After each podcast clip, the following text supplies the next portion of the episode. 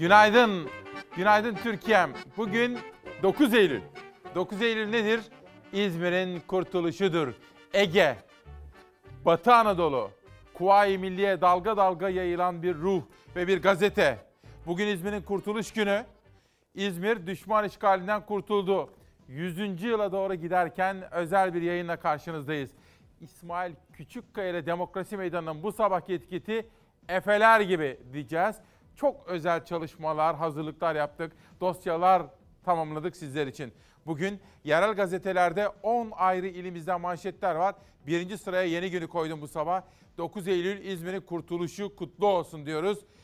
Bütün cihan işitsin ki efendiler artık İzmir hiçbir kirli ayağın üzerine basamayacağı kutsal bir topraktır diyor. İzmir'e gittiği zaman ne kadar mutludur atamız. O halde İzmir'e Kuvayi Milliye ruhuna bir selam verelim.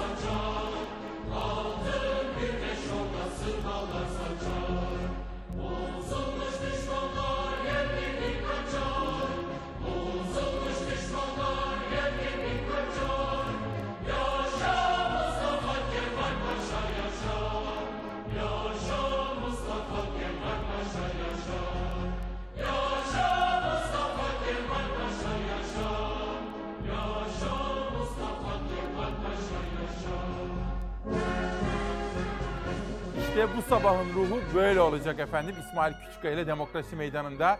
Peki başka hangi haberleri konuşacağız? Ruhun dışında, duygunun dışında manşetlere bakacağız. İşte Çalasat gazetesi. EYT'lerden çift dikiş eylemi. Cumhurbaşkanı Erdoğan'ın çift dikiş yapmak istiyorlar dediği EYT'liler bir kez daha Ankara'daydı. Dikiş makinasıyla Ulus Meydanı'nda toplanan emeklilikte yaşa takılanlar topladıkları imzaların bulunduğu kolileri de Cumhurbaşkanlığına gönderdiler. Ve bu eylem sırasında EYT Federasyonu Başkanı konuştu. Gönül Boran, 5 yerden bol sıfırlı maaş alan bürokratların varlığı aslında EYT sorunun çözümsüz olmadığını, sadece çözülmesinin tercih edilmediğini göstermektedir. Demek ki bugünün ruhunda ve duygusunda İzmir var, Ege var, Kuvayi Milliye var. Bugünün manşet yolculuğunda Çalar Saat ailesi olarak EYT'ler ve 3600 meselesi var. Yaklaşan seçimlere doğru bu meselelerin çözüleceğine dair inancım tamdır onu söylemek isterim. Ve gazete manşetlerine hemen bakacağız. Bugünün haber yolculuğunda hangi haberler bize eşlik ediyor? Manşetimizi tekrar etmek isterim. Efeler gibi diyoruz bugün. Manşet Efeler gibi. İstediğiniz yorumu altına yapabilirsiniz efendim. İşte manşetler, sözcü. İktidar her alanda olduğu gibi ulaşımda da ayrımcılık yapıyor. Bırakın bu ayrımcılığı. Ulaştırma Bakanı CHP'li İstanbul Büyükşehir Belediyesi'nin hizmetlerine gölge düşürmek için koca kentte iki ayrı metro yaratmaya çalışıyor. İşi gücü bırakıp İstanbul Büyükşehir Belediyesi ile uğraşıyor. İstanbul'da metronun simgesi AKP döneminden beri M olarak kullanılıyor. Ulaştırma Bakanı Adil Kara İsmailoğlu ise havalimanına yapılan iki metronun simgesinin U olduğunu duyurdu. Amaç belediye metrosu ile iktidarın metrosunu ayrıştırmak. Ancak bu ayrımcılık tepki gördü. Vatandaş koskoca bakan başka işi yokmuş gibi metronun logosuyla uğraşıyor. Kaybettikleri kentte ikilik yaratmaya çalışıyor. Metrolar vatandaşın parasıyla yapılıyor. Senin metron benim metrom olur mu? Tabi aslında Ulaştırma Bakanı'nın uğraşması gereken çok ciddi meseleler var. Dünyanın her yerinde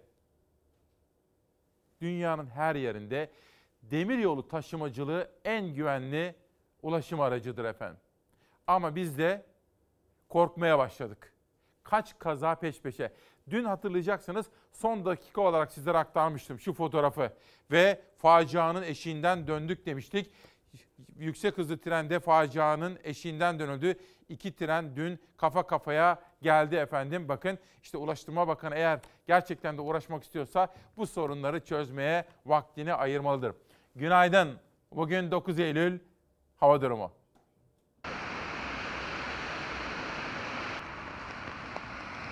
Beklentinin altında seyreden sıcaklık değerleri birkaç derece artışla normaller seviyesine çıkıyor. Fırtına şeklinde esen Poyraz gün boyunca risk oluşturmayı sürdürüyor. Fırtına akşam saatlerinden itibaren kuvvetini yitirmeye başlayacak. Yurdun kuzeybatısında yağışlı hava etkisini göstermeye başlıyor bugün. Bugün Marmara bölgesi kademe kademe batısından doğusuna yağışlı havanın etkisi altına giriyor. Yer yer sağanak şeklinde düşme ihtimali olan yağışlara Poyraz fırtınası da eşlik edecek. Bugün yine Marmara, Kuzey Ege ve Batı Karadeniz çevrelerinde fırtına kaynaklı uçma, kopma ve devrilmeler yaşanabilir. Deniz ve hava ulaşımında iptal ve gecikmeler oluşabilir. Bugün Marmara'da yağış anında fırtına zaman zaman hızını saatte 60 kilometreye kadar çıkarabilir. Fırtınanın akşam saatlerinde etkisini yitirmeye başlaması bekleniyor. Bugün Marmara ve Ege bölgelerinde yağışlı hava etkili olacak. Karadeniz bölgesinin orta ve doğu kesimlerinde kıyı şeridi aralıklarla yağış almaya devam edecek. Marmara bölgesinde bulutlar da yağışın ihtimali de kademe kademe artacak gün içinde. İstanbul'da yağışların öğleden sonra kendini göstermeye başlaması, akşam saatlerinde ise artması bekleniyor. Ege bölgesinde ise kıyı hattında yağış ihtimali oldukça düşük. Yağışlar daha çok Ege'nin iç kesimlerinde etkili olacak bugün. Perşembeden Cuma'ya geçerken Marmara bölgesinde özellikle İstanbul çevrelerinde yağışın kuvveti artabilir. Cuma gün ortasına kadar Marmara bölgesinde yaşanabilecek kuvvetli sağanak yağış ihtimaline hazırlıklı olunmalı. Cuma gününün ikinci yarısında ise daha çok Marmara'nın doğusu, İstanbul'un Anadolu yakasıyla Kocaeli Sakarya çevreleri ve Batı Karadeniz yağış alacak. Cuma ayrıca Poyraz fırtınası da etkisini büyük ölçüde yitirmiş olacak. Ege'nin iç kesimlerinde cuma günü hafif yağış geçişleri görülmeye devam edecek. Cumartesi Marmara'nın doğusundaki yağışlar saat saat etkisini kaybederek devam edecek. İstanbul'da öğleden sonra hava tamamen açmış olacak.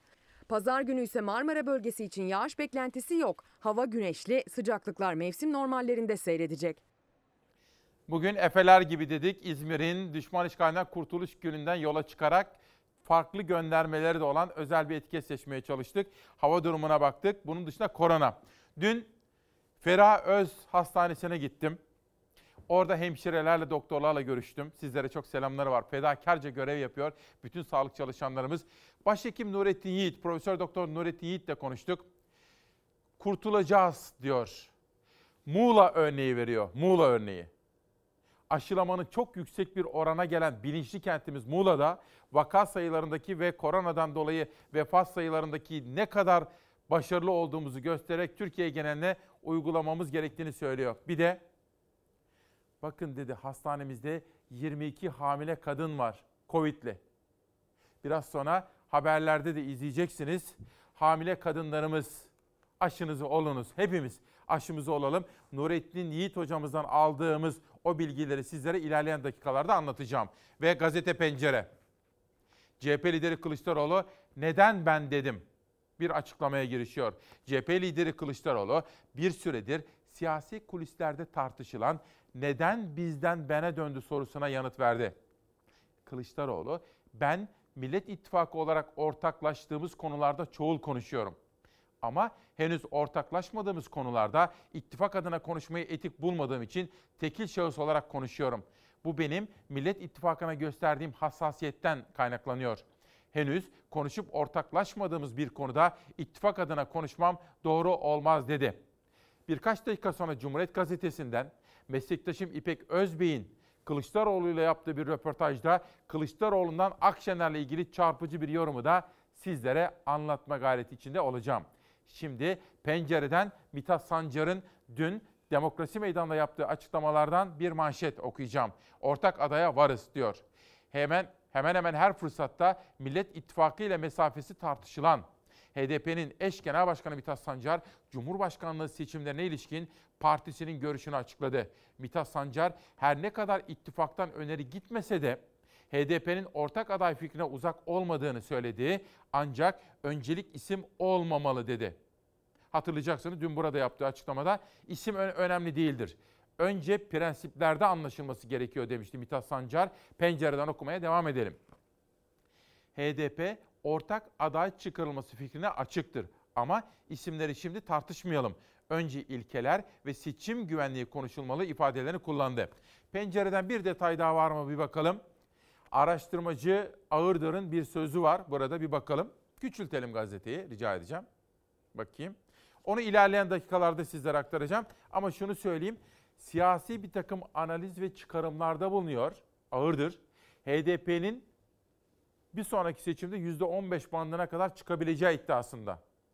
Konda'nın yöneticisi Bekir Ağırdan'ın sözlerini sizlere detaylı olarak okuyacağım. Şimdilik şöyle bir teaser gibi geçmiş olalım. Cumhuriyet.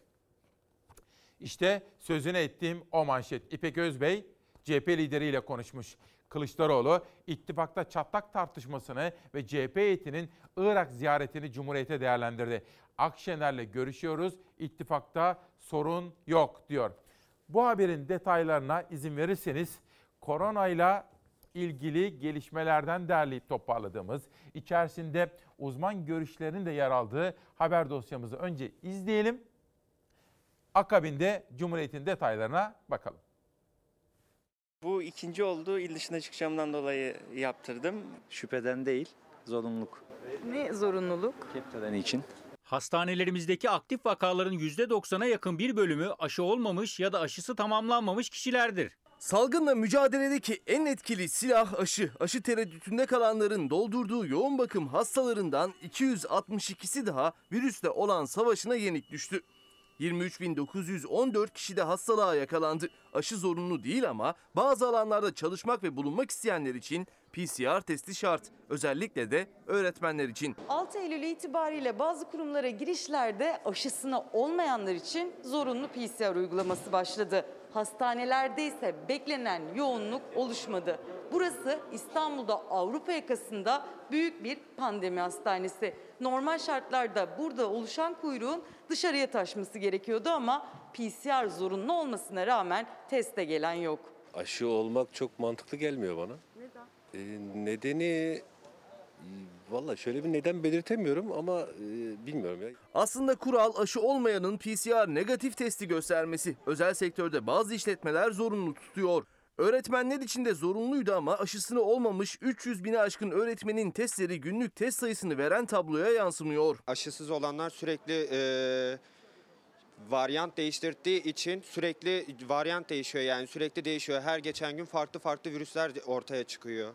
Yani biz neden yaptırdıysak onlar da yaptırmalı. Zorunluluktan sonra teste giden ya da aşısını yaptırmaya karar verenlerin büyük kısmını özel sektör çalışanları oluşturuyor. Kamu çalışanları ise kuralı uygulamıyor. Çünkü belli ki uygulayıp uygulamadığı denetlenmiyor. Bence aşı olması mantıklı. Yani ben yaptırdım bence herkes olmalı. Zorunlu test için gelenlerden devlet hastanelerinde para alınmıyor. Özel hastanelerde ise 250 lira. Pandemi hastanelerinde dahi test yoğunluğu yok. Çünkü PCR zorunlu ama yaptırmayana da herhangi bir yaptırımı yok. Ülkemiz için, milletimiz için faydalı e, bu tür şeyler. Hani dolayısıyla bir salgın var ülkemizde. Bunun en az indirgenmesi için e, gerekli olduğunu düşünüyorum. Siz oldunuz mu? Aşıyı da olmadım. Türk aşısını bekliyorum. Üçüncü doz aşılamada henüz istenen seviyede değil. Zamanı geldiği halde inaktif aşı olup üçüncü dozunu olmayan 6 milyon kişi var. Ülkemizde hatırlatma dozu zamanı gelen yaklaşık 6 milyon vatandaşımız bulunmaktadır. Vakit kaybetmeden hatırlatma dozunuzu olmanızı istirham ediyoruz. İki doz mRNA yani BioNTech aşısı olanlar içinse henüz hatırlatma dozu zamanı gelmedi. Ancak onlar için de hatırlatma dozu zamanı yaklaşıyor. İki doz mRNA aşısı olan vatandaşlarımızın da ikinci doz üzerinden 5-6 ay geçtikten sonra hatırlatma dozuna ihtiyaç duyacakları öngörülmektedir. Aynı zamanda bilim kurulu üyesi olan Profesör Doktor Nurettin Yiğit dün dedi ki bizim 65 yaşın üzerindeki kıdemli yurttaşlarımız zamanında Sinovac aşısı oldu iki doz ama ilk başlardaydı o ve üzerinden çok zaman geçti. Dolayısıyla üçüncü doz aşımızı da olmamız gerekiyor dedi. İki doz Sinovac olanlar için. Bir de bu dönemde maskelerin dışarı çıkarıldığını, topluma bir rehavet havasının yayıldığını, bu nedenle geçtiğimiz yıl görmediğimiz grip gibi, nezle gibi mevsimsel hastalıkların da artmaya başladığını söylüyor. Dolayısıyla hocamız devletimizin bütün imkanlarını seferber ederek yeterince aşı getirdiğini ve bu hastalıkla, salgınla mücadelede aşılamanın önemli olduğunu, fırsatı olan, sırası gelen herkesin aşısını olması gerektiğini altını çiziyor Nurettin Yiğit hocamız ki bugün sizlere bu konularda haberleri de bolca anlatacağım. Şimdi siyaset. İpek Özbey'in röportajı. Kılıçdaroğlu diyor ki Akşener'le görüşüyoruz, ittifakta sorun yok. CHP lideri Kılıçdaroğlu, İyi Partili Cihan Paçacı'nın tekil konuşuyor eleştirisinin ardından başlayan tartışmalara ittifakta sorun yok. Genel başkanlarla görüşüyoruz. Güçlendirilmiş parlamenter sistemi ortak dillendiriyoruz. Onun dışında her partinin kendi düşüncesi var yanıtını verdi. Kılıçdaroğlu'na göre ittifaka nifak sokma çabası var. Kılıçdaroğlu, CHP heyetinin Kuzey Irak ziyareti konusunda da biz sadece bölgesel Kürt yönetimiyle değil, Türkmenler ve Ezidilerle de görüştük. Türkiye'yi yönetmeye talip parti olarak bölgede barışı sağlamak için kendi anlayışımızı bölgenin aktörlerine anlattık. Seçimden sonra Irak'a da gideceğiz dedi. Biliyorsunuz 9. yılımıza bir, bir haftalık Ankara turumuzla başlamıştık. Ve edindiğim izlenim şudur. Vakti zamanı geldiği zaman Kılıçdaroğlu, Akşener, Karamollaoğlu ve ittifaka katılırlarsa Davutoğlu ile Babacan beraberce oturup karar verecekler ortak bir aday konusunda. HDP'nin de ayrı bir adayla çıkması ilk turda yarışması konusunda da bir ortak görüş var gibi geliyor bana. Benim edindiğim izlenim bu şekilde. Ve demokrasi meydanında da her sabah olduğu gibi bu sabahta üreticinin sesini duymaya ve duyurmaya gayret edeceğiz. Sırada üzüm üreticisi var. Birkaç saat önce açıklanan üzüm fiyatları hepimizin yüzüne astı. Bağcının yüreğine ateş düşürdü, sofrasına ateş düşürdü, evine ocağına ateş düşürdü. 13 lira fiyatı kabul edilemez. Çünkü piyasa bunun daha da altında ulaşacağı belli. Beklenen çekirdeksiz kuru üzüm alım fiyatı açıklandı. 9 numara üzümün birim fiyatı 13 lira dedi Toprak Mahsulleri Ofisi. 10 numara üzümün fiyatı ise 14 lira olarak duyuruldu. 10 numara üzüm 14 lira olarak açıklıyorlar. Fakat Manisa'da, Sarıbey'de, Urganlı'da hiçbirinde 10 numara üzüm TMO almıyor. Onu da net bir şekilde söyleyelim. Rakam oyunu da yapmasınlar. Üzüm kesimi tamamlandı. Sergiye çıkan üzüm çoktan kurudu. Üreten kuru üzümünü sergiden çoktan kaldırmaya başladı. Günlerdir kuru üzüm fiyatının açıklanması için ses yükselten üreticiler ve muhalefetin milletvekilleri açıklanan fiyata isyan etti. Bu fiyatlarla çiftçimizin, üreticimizin, bağcımızın ayakta kalma şansı yoktur. Manisalı üreticiler olarak, Manisalı Cumhuriyet Halk Partili milletvekilleri olarak Sayın Bakanı derhal istifaya davet ediyoruz. Bu fiyatlar kabul edilemez. Tarım Bakanı'na sesleniyoruz. İstifa istifa istifa. Manisalı Tarım Bakanı, çiftçiler burada hepsi istifaya davet ediyorlar. Üretimi genellikle yurdun batısında ağırlıklı olarak Manisa'da yapılan üzüm için açıklanan fiyat üreticiye istifa çağrısı yaptırdı. Manisa için üzüm demek yaşam demek. Sadece üzüm üreticisi için değil bölge için ekonomik kalkınma demek. Eğer üzümcünün yüzü gülerse Saruhanlı'nın yüzü gülüyor. Manisa'nın yüzü gülüyor. Türkiye'nin yüzü gülüyor. Geçen yıl 9 numara çekirdeksiz kuru üzüm fiyatını 12,5 lira olarak 26 Ağustos'ta açıklamıştı Toprak Mahsulleri Ofisi. Bu yıl ofis 7 Eylül'de sadece 50 kuruş farkla açıkladı fiyatı. Bu süre zarfında pek çok üretici geçen yılın fiyatına ve altına satışlarını yapmak zorunda kaldı. Zaten bu yılda piyasanın açıklanan fiyatın altında oluşacağı vurgulandı. Kaç para var 12 bin lira. Geçen sene kaç paraydı fiyat? 12 bin lira. Geçen seneki fiyatlarla satıyoruz. Evet. Peki geçen sene gübre kaç paraydı, DAP kaç paraydı, şimdi kaç para? 150-160'lardı. Şimdi 340 liraya çıktı. 350 binler, 150'ye çıktı. Manisalı CHP'li milletvekilleri Bekir Başevirgen, Ahmet Vehbi Bakırlıoğlu ve Özgür Özel isyan etti açıklanan fiyata. Üretici ve vekiller 17-18 lira beklentisi içindeyken 16 liraya da razıydı. Biz gene 16'ya razıyız. Açık açık söyleyeyim 16'ya razıyız. Ama fiyat yok ortada. 17-18 liradan satarsak kazanırız ama 16'ya da razıyız diyen Manisalı üretici 12,5 lirayla büyük hüsrana uğradı. Manisa'nın ziraat odalarından da duruma tepki yükseldi. 13 lira olması gibi bir beklentimiz hiç yoktu.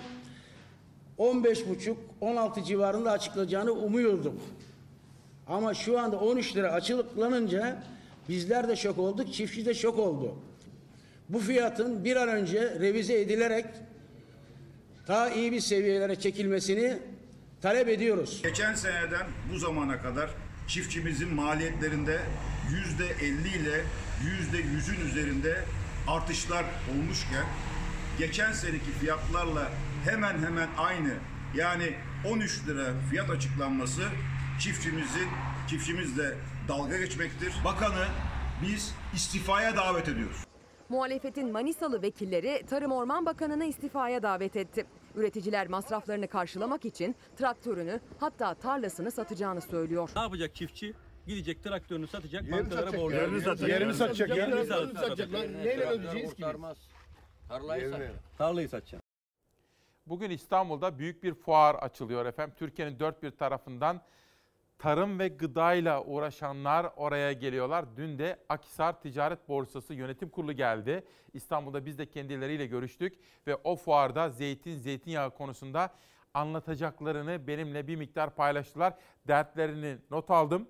Fuara da gitmek istiyorum hafta sonunda ve dolayısıyla sizlerle paylaşacağım görüşler var. Ama Akhisarlılar bütünüyle Türkiye'deki zeytin üretim ve tüketiminin artırılması için, kişi başına zeytinyağı üretiminin artırılması için bir takım somut önerilerle gelmişler. Onları not aldım ama fuardan sonra sizlerle paylaşacağım. Karar.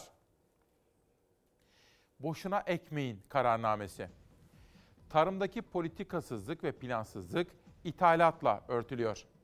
Yurt dışından alınan hububat ve bakliyatta gümrük vergisi sıfırlandı büyük firmalara kazandıran süreçte kuraklık ve artan maliyetlerin ezdiği Türk çiftçisi tarlasındaki mahsulü de yok pahasına satmak zorunda kalacak diyor. Birazcık detaya bakalım. Geçtiğimiz birkaç yıl içinde tarımda üretim planlaması tamamen terk edildi. Kanal İstanbul gibi projelere dev bütçeler ayrılırken tarımsal sulama çalışmaları atıl bırakıldı. Yerli üretimin cevap veremediği tüketim ihtiyacını karşılamak için bu yılda hububat ve bakliyat ürünlerinde gümrük vergisi yılbaşına kadar kaldırıldı, sıfırlandı. Kuraklıkla boğuşan, maliyetler karşısında ezilen çiftçi tarlaya tamamen küsme noktasına geldi. 18 yılda borcu 72 kat artarak 137 milyar liraya aşan üreticilerden 700 bini farklı mesleklere yöneldi. CHP lideri Kemal Kılıçdaroğlu, can çekişen tarımımızı ve çiftçimizi bitirmeye yeminli bir Erdoğan var. İklim ve tarım en öncelikli reform konularımız arasında. Evlatlarımıza ithal ürün cenneti, bereketsiz, çorak bir Türkiye bırakmayacağız tepkisini gösterdi. Niğde Milletvekili Gürer de Toprak Mahsulleri Ofisi'nin yaptığı ithalatın soru işaretleri oluşturduğunu söyledi. Yerli makarnalık buğdaya 1800 lira fiyat veren TMO, ithal makarnalık buğdaya 100, 330 dolar verecek. Yani 2450 lira ifadesini kullandı dedi. Saadet lideri Temel Karamollaoğlu'nun tarlada 1, reyonda 10 liraya işaret ettiğine dair haberde yine birinci sayfada yer almış. Aradaki fiyat farkını kimler hortumluyor diye soruyor Temel Karamollaoğlu. İşte bütün bunlar da önemli gündem maddeleri efendim. İstanbul Büyükşehir Belediyesi'nde İSKİ'ye bir zam kararı çıktı. O haberin detaylarını şimdi yorumlarınız için bırakıyorum. İstanbullu musluğu açarken bir kez daha düşünecek artık. Çünkü suya zam yapıldı. %15,62'lik zam geldi suya. 100 liralık fatura artık 115 lira gelecek. Tüketici geçim derdiyle faturalarla uğraşırken elektrik ve doğalgaz zamlarını konuşurken İstanbulluya bir zam haberi de İSKİ'den geldi.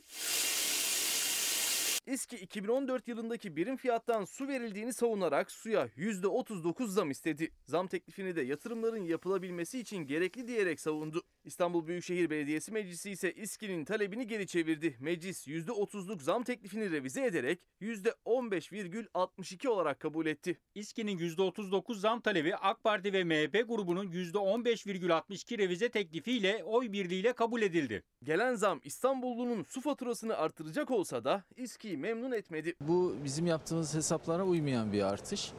Ee, biz bizzat İSKİ'nin girdilerine gelen zamları ortaya koyduk. Yani e, ama burada e, tüketici fiyat üzerinden bir e, artış yapıldı. Bu tabii bizim yatırımlarımızı bir miktar daha öteleyecek.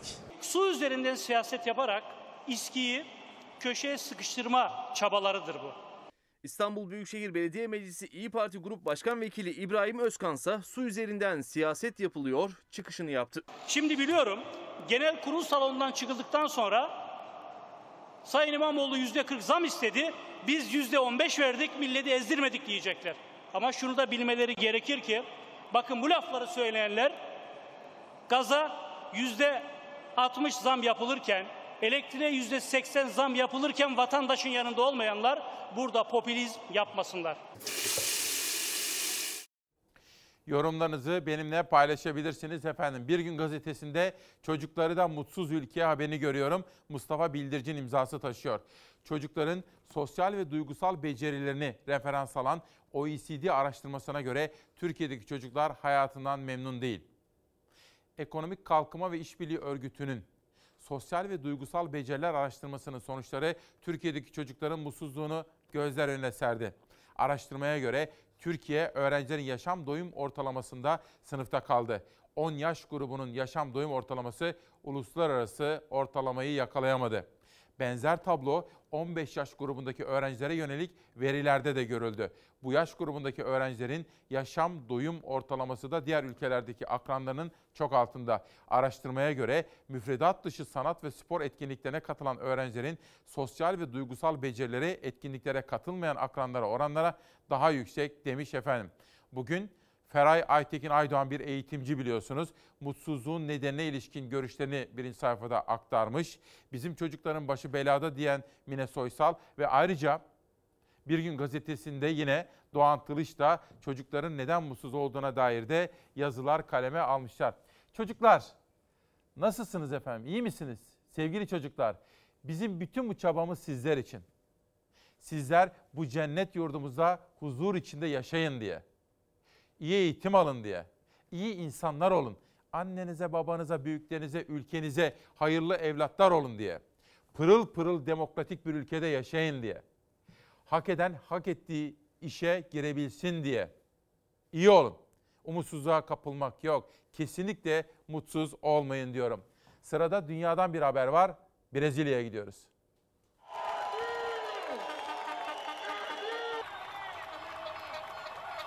Ulusal Bağımsızlık Günü kutlamaları kapsamında on binlerce kişi sokağa döküldü. Kutlamalar iki ayrı görüşü karşı karşıya getirdi. Devlet Başkanı Bolsonaro yanlısı ve karşıtı gösteriler düzenlendi. Brezilya'nın koronavirüsü umursamaz tavrıyla bilinen Devlet Başkanı Bolsonaro bir kez daha kışkırtıcı açıklamalarda bulundu. 7 Eylül Bağımsızlık Günü kutlamaları esnasında halka seslendi ve destekçilerini sokağa davet etti. Bolsonaro Federal Yüksek Mahkemesi'ne adeta bir tehditte bulundu. Kurumu işaret ederek kendi işleriyle ilgilenmelerini, aksi takdirde istenmeyen durumlara maruz bırakılacaklarını söyledi. Hiçbir zaman hapse girmeyeceğini, mahkemenin aldığı kararlara da uymayacağını belirtti. Bolsonaro yanlısı miting ve gösteriler devam ederken sadece birkaç blok ötede Sao Paulo'da muhalif kesim de ses yükseltti. Binlerce insan Bolsonaro'nun görevden alınmasını talep etmek için buluştu. Dünyanın farklı ülkelerinden haberleri de aktaracağım. Mesela Ermenistan hani ne oldu Paşinyan diyordu ya. Paşinyan'dan bir zeytin dalı uzatıldı.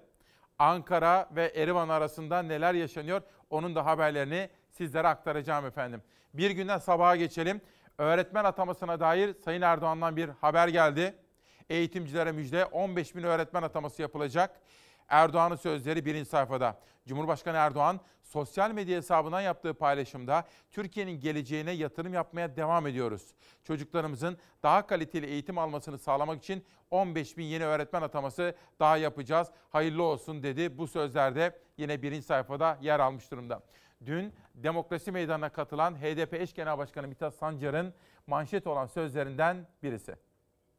Çiftçi sulamak istiyor. Tabii sulu tarım yapılan pek çok yer var ve su yetişmiyor. Çünkü Türkiye'de sulama altyapısı o onca yıllık GAP projesine rağmen, o büyük iddialı GAP projesine rağmen GAP projesinin merkezindeki biraz saydı, biraz önce saydığınız iller Şanlıurfa, Mardin, hatta Batman tabii. Batman öyle, geliyor çiftçilerden. Oralara su gelmeyince ne yapıyorlar? Suyu çıkarmak için e, motor kullanıyorlar. Motor kullanınca elektrik kullanıyorlar.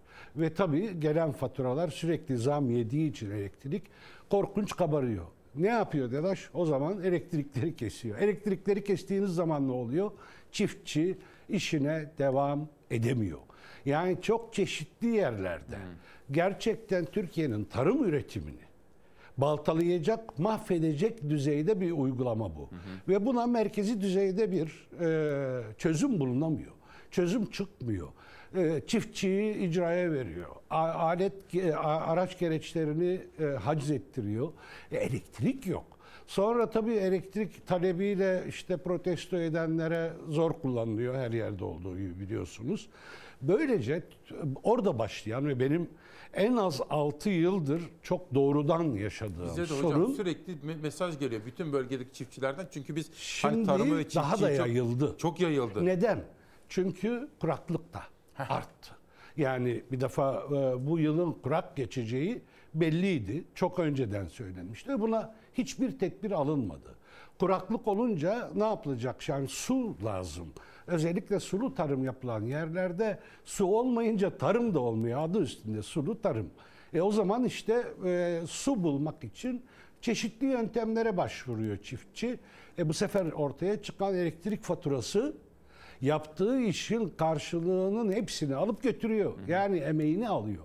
O da yetmiyor, elektrik kesiliyor. Yani artık üretemiyor da. Dolayısıyla şimdi daha çok bizim e, kendi şehrimizde, Mardin'de, Urfa'da yaşadığımız bu devasa sorun Türkiye'nin her yerine yayıldı. Bunun büyük sonuçları, tahripkar sonuçları Bunu olacak. nasıl çözeriz hocam? Bunun çözüm yolu elbette önceden planlamaları yapmaktır. Bir, sulu tarım yapılan yerlerin nasıl e, besleneceğini önceden planlamaktır. Ayrıca elektrik konusunda çiftçiye destek sunmaktır. Yani eğer kendisi elektrik kullanmak istiyorsa, mecbur kalıyorsa siz su getirmediğiniz için kendisi su çıkarmak üzere elektrik kullanıyorsa bunu finanse edecek veya subvanse edecek yöntemler bulacaksınız. Şimdi bütün bunlar e, yapılmadığı gibi elektrik şirketleri de kar için uğraşıyor. Nasıl karımı en yükseğe çıkarırım diye uğraşıyor. O da zam üstüne zam yapıyor. Zam üstüne zam yapılınca da fatura iyice şişiyor. Oysa burada merkezi planlama yani halk için, ülke için ekonomi anlayışına ihtiyaç Tabii. var.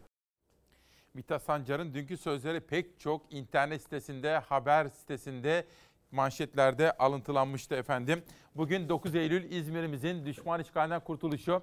İzmir'imizi, Ege'mizi sevgiyle, saygıyla selamlıyoruz. Efeler gibi diyoruz bu sabah. Bugün Yılmaz Özdil uzun bir aradan sonra tekrar yazmaya başladı. 15 ayrı gazeteden 7 ayrı yazardan da alıntılar yapacağım. Bakın Ferhan Şensoy'u yazmış Yılmaz abimiz ve içinde yitirip gittiğimiz, unutmayacağımız değerlerimizden isimler. Tam şöyle aşağıya doğru inelim. Kameralara rica edeyim bakın. Ve aslında bir Ferhan Şensoy yazısı ve kültür dünyamızın önemli isimlerini derleyip toparlamış Yılmaz Özdil. Barış Terkoğlu'nun bu yazısını biraz sonra Demokrasi Meydanı'na katılacak konuğuma soracağım.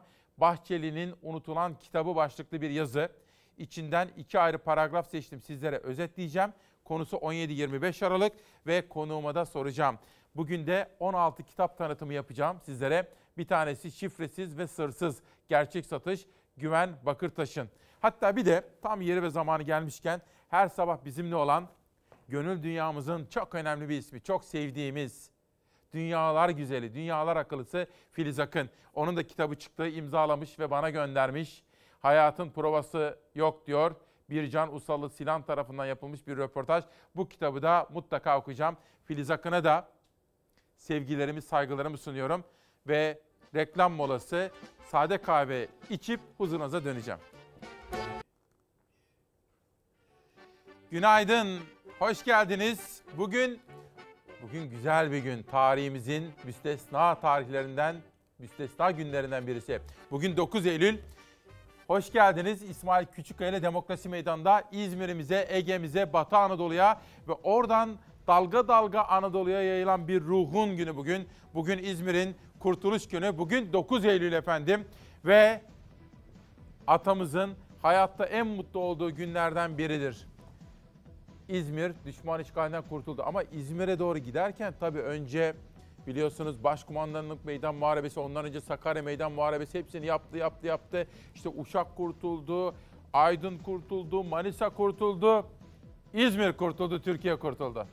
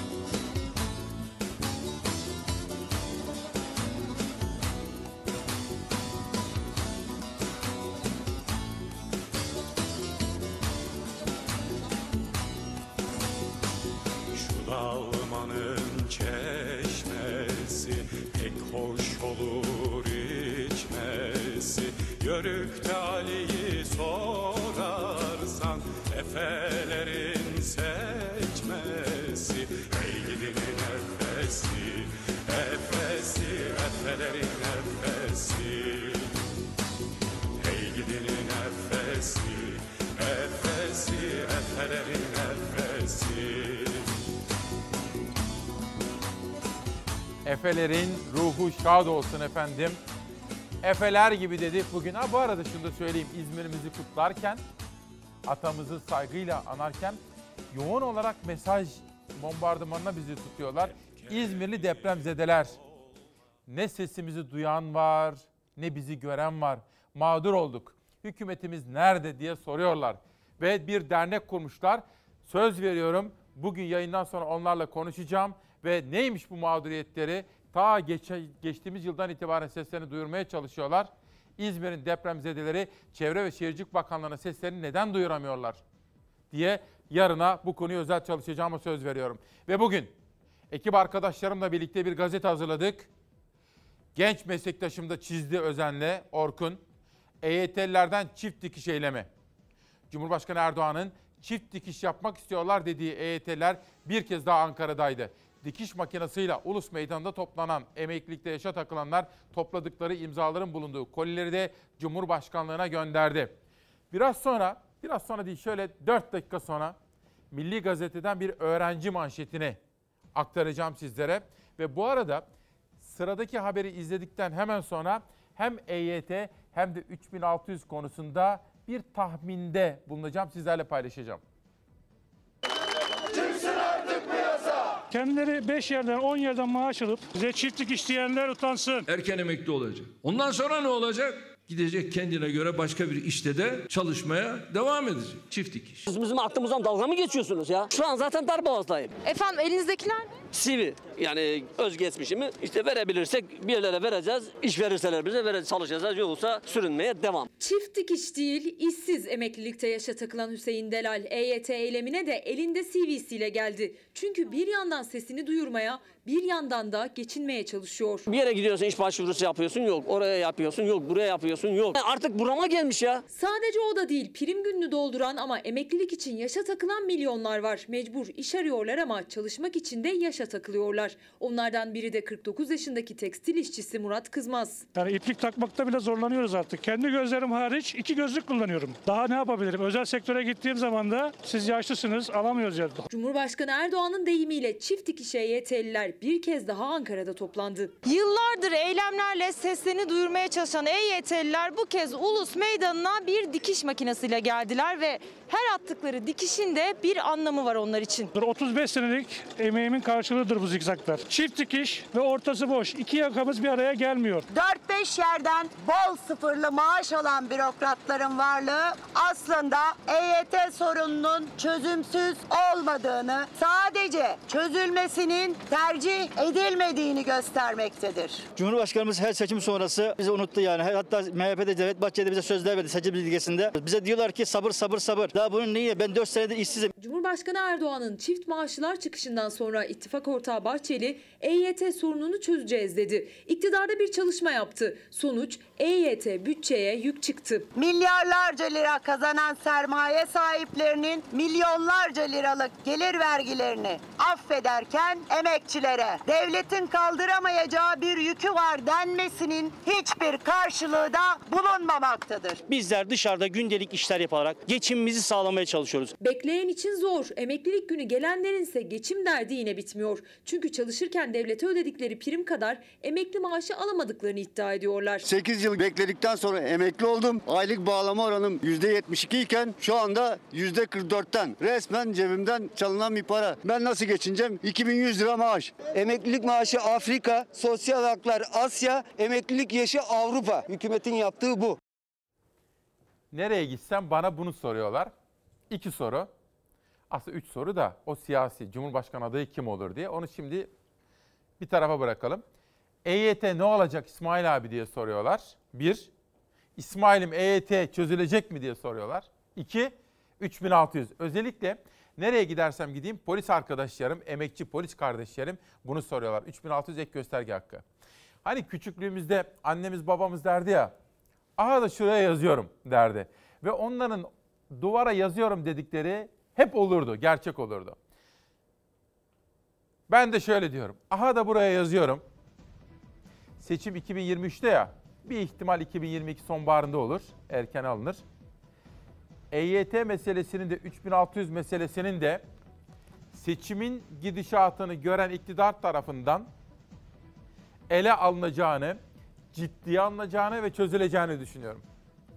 Demedi demeyin. İşte İsmail Küçükkaya demedi demeyin efendim. Ben buraya da bırakıyorum bu iddiamı. Milli Gazete. Öğrencinin yüksek kirayla zor sınavı. Covid-19 nedeniyle verilen aranın ardından yüz yüze eğitimin başlamasıyla Trakya Üniversitesi'nde 42 binden fazla öğrenci ders başı yaptı. Kalacak yer bulma telaşına giren öğrencilerin büyük bölümü kiralık ev arayışlarını sürdürüyor. Ve gerçekten de öğrenci kardeşlerimin durumu çok zorda. O halde bu sene söylediğimiz o ifadeyi tekrar edelim.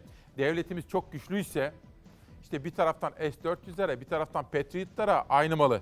Biri Amerika'dan biri Rusya'dan alacak kadar paramız çoksa, bu kadar çok betona gömülecek paramız varsa güçlü devletimiz, büyük devletimiz bütün üniversite öğrencilerinin barınacağı yurtları inşa etmelidir efendim. Tabii. Tek bir öğrencimiz bile herhangi bir tarikat veya cemaatin ne olduğunu bilmediğimiz yapıların insafına terk edilemez. Her bir öğrencim bizler, ben Atatürk Öğrenci Yurdu'nda kaldım. Sitelerde Atatürk Yurdu. Ankara'da, Ankara Hastanesi'nin karşısında. Her bir öğrencimiz devletimizin güvenli, şefkat dolu yurtlarında kalmayı hak etmektedir efendim. Bu da bu sene en fazla tekrar edeceğim mesajlardan birisi olsun. Bir de hazır siyasetten de sözü açmışken baraj %7'ye iniyor şeklinde bir gelişme var ya. Bu ve bunun erken seçime yansıması. Halkın gönlünden düştüler. Halkın gönlünden düşen gün gelir iktidardan düşer ve çekip gider. Mevcut iktidarın büyük ve küçük ortakları seçim matematiği hesaplarına girdiler. Artık korku bacayı sarmış. Neredeyse baraj yüzde beş mi olsun, yüzde yedi mi olsun diye papatya falı açacaklar. Siyaset bir yandan Cumhur İttifakı'nın kesinleşen %7'lik baraj teklifini konuşurken diğer yandan da olası erken seçimi gündeminden hiç düşürmüyor. İktidar zamanında yapılacak dese de muhalefet teyakkuzda. Bunlara da gereken dersi siz zaten verdiniz vereceksiniz biliyorum. Unutmayın 2023 çok çalışacağız. Bir yandan seçim yok. 2023 Haziran diyorlar ama bir yandan da bakıyoruz yaptıkları söyledikleri her şey seçim propagandası programı haline gelmiş durumda. Hem seçime hazırız hem iktidara hazırız. Dostlarımızla beraber. Erken seçim için 2022 sonbaharı hatta Kasım ayı tahmini konuşuluyor artık kulislerde. İttifak senaryoları ise tüm tarafların masasında. HDP muhalefete ortak Cumhurbaşkanı adayı çağrısı yaptı. Bütün muhalefete ve bütün demokrasi güçlerine. Gelin ortak aday konusunda konuşalım ama isimleri şimdi tartışmayalım. Bir, ilkeler. iki seçim süreci hazırlığı. Cumhur İttifakı Cumhurbaşkanlığını kazanamayacak. AK Parti ve MHP'nin %7'lik seçim barajında uzlaşması ise Cumhur İttifakı'na destek veren Büyük Birlik Partisi'nde rahatsızlığa yol açtı. Destici Cumhurbaşkanlığı hükümet sisteminde barajın anlamı yok sıfırlansın itirazını yükseltti. Cumhurbaşkanlığı yönetim sisteminde seçim ittifaklarının yasal hale gelmesi seçim barajı kavramını anlamsız hale getirmiştir. Yani seçimlerde bir baraj uygulanmamalıdır. Ne yaparlarsa yapsınlar. Ellerinden geleni artlarına koymasınlar. Bu milletin iradesi her türlü barajı yıkar geçer. Erken seçim, baraj, ittifak, ortak aday. Seçim gündemi artık siyasetin vazgeçilmezi. Bütün bu siyasi gelişmeleri de konuşmaya devam edeceğiz. Ve Pencere Gazetesi dün İsmail Küçükkaya Demokrasi Meydanı'na katılmıştı. Mithat Sancar'ın sözleri bugün pencerede manşet olmuş. Ortak adaya açığız ama isimleri tartışmayalım diyor Mithat Sancar. HDP eş genel başkanı Mithat Sancar, Cumhurbaşkanlığı seçimleriyle ilgili olarak HDP ortak aday çıkarması fikrine açıktır. Ama isimleri şimdi tartışmayalım. Önce ilkeler ve seçim güvenliği konuşulmalı dedi. Fox TV'de İsmail Küçükkaya'nın Çalar Saat programına katılan Sancar, iki aydır sahada yaptığımız çalışmalarda seçimleri de konuştuk. Buralardan aldıklarımızı kurullarımızda tartışıp deklare edeceğiz ifadesini kullandı. Sancar, toplumda en çok karşılaştığı şikayetin elektrik sorunu olduğunu söyledi. Sancar, bunun en önemli sebebi elektriğin özelleştirilmesinden sonra yaşananlar. Elektrik faturaları tarımı bitirme noktasına getirdi. Elektrik konusunda çiftçiye destek sunulmalıdır dedi efendim. Bir de 20 bin öğretmen ataması yapılmıştı. Cumhurbaşkanı ve Adalet Kalkınma Partisi lideri Sayın Erdoğan 15 bin yeni öğretmen ataması yapılacağını söyledi. Bütün 20 bin öğretmenin ataması gerçekleşecek Sayın Cumhurbaşkanı. Çocuklarımızın daha kaliteli eğitim almasını sağlamak için 15 bin yeni öğretmen ataması yapacağız. 3 Eylül'deki 20 bin öğretmen ataması öğretmen adaylarının talebini karşılamamıştı. Ek atamayı Cumhurbaşkanı Erdoğan akşam saatlerinde duyurdu. 15 bin öğretmen daha atanacak. Yalvarıyoruz size ne olur yalvarıyorum lütfen. Ek 40 bin atama. Açık var. Türkiye Eğitim Sendikası'na göre 200 bine yakın öğretmen açığı var. En az da 40 bin atama bekliyordu öğretmen adayları. Ancak 3 Eylül'deki toplantıda 20 bin öğretmen için kura çekimi vardı. Öğretmenlikleri de ülkemiz için hayırlı olsun diyoruz.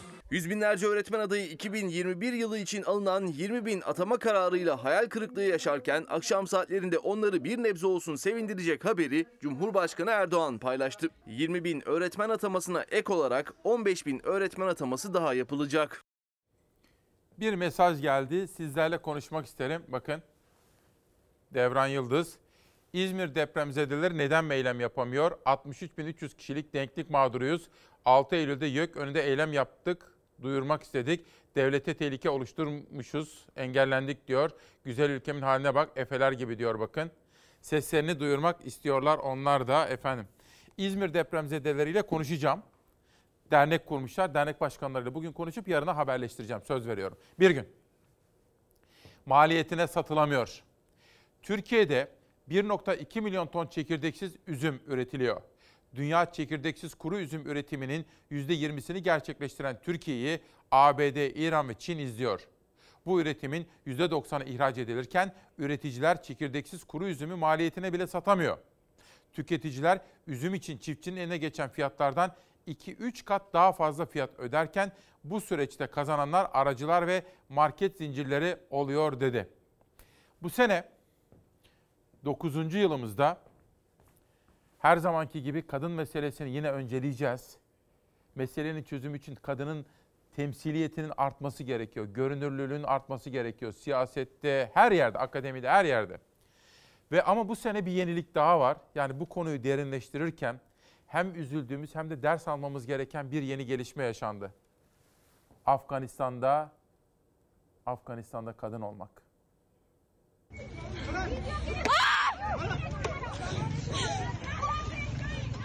Tüm dünyaya değişim mesajları veren Taliban'a karşı ülkeler sessiz. Geçici hükümeti kuran Taliban kadın haklarını önemsediklerini, artık eskisi gibi olmadıklarını söylerken Afganistan'daki kadınların tüm dünyaya mesajı var. Hakları için ses yükselten Afgan kadınlar Taliban tarafından dövüldüklerini, istismar edildiklerini söylüyor. Onlar günlerdir canları pahasına gösteri düzenliyor. Taliban'ın gerçek zihniyetini, yaşadıkları kabusu tüm dünyaya anlatabilmek için tek yürek oluyorlar. Protestoları dağıtmak için sadece havaya ateş açmakla kalmadı Taliban. Kadınları kırbaçladılar.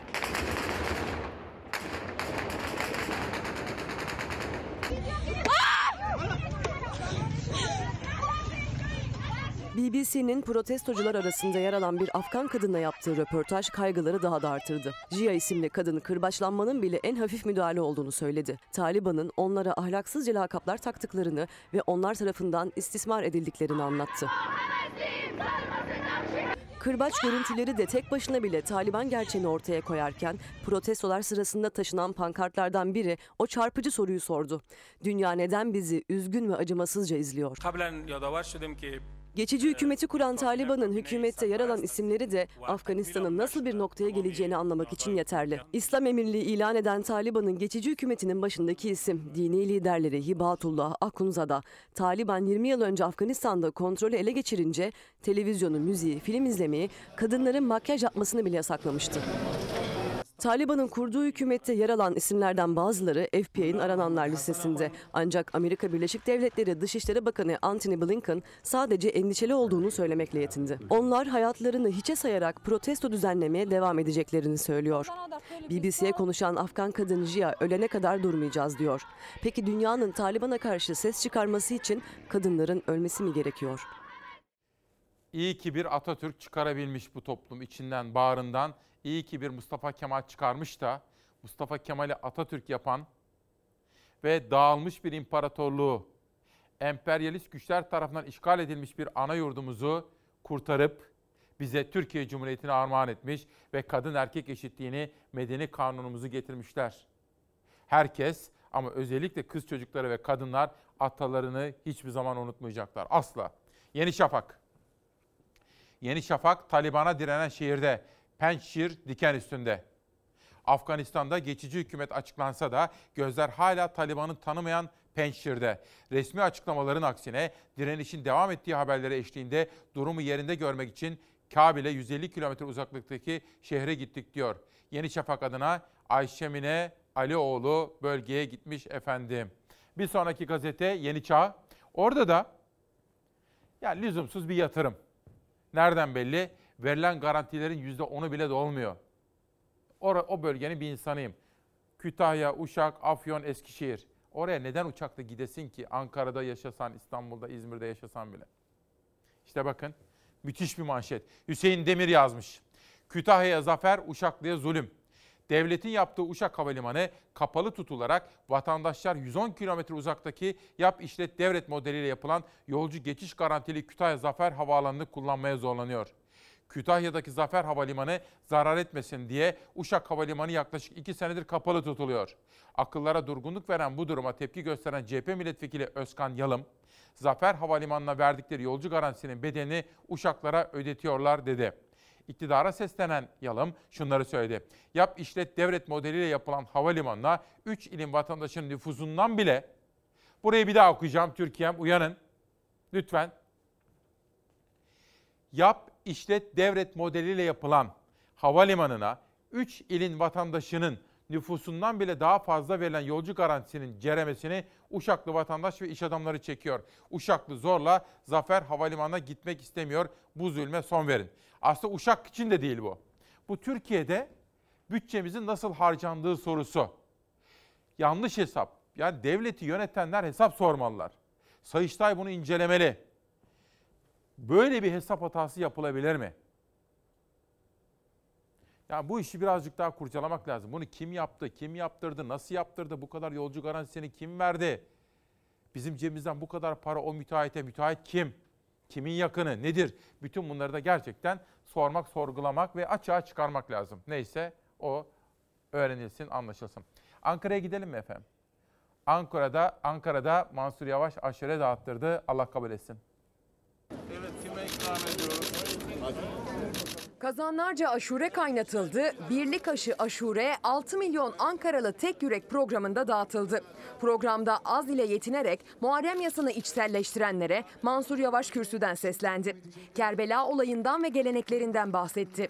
Yavaş her inançlı Müslüman Yezid'e yandaş olmaktansa Hüseyin'le can vermeyi yeğler diye konuştu. Katliamın üzerinden geçen 13 asırdan fazla zaman boyunca Peygamber Efendimizin emanetine sahip çıkan bu katliamı protesto eden bir geleneğimiz var.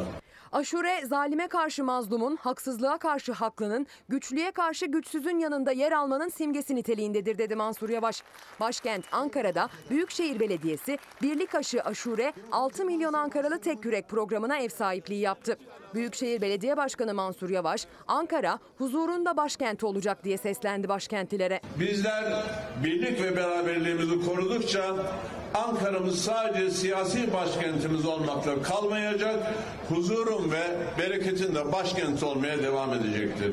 Programa İyi Parti ve CHP'den genel başkan yardımcılarıyla milletvekilleri de katıldı. Aşurenin birleştirici gücüne vurgu yapıldı. Aşureler birlikte kaynatıldı, birlikte dağıtıldı.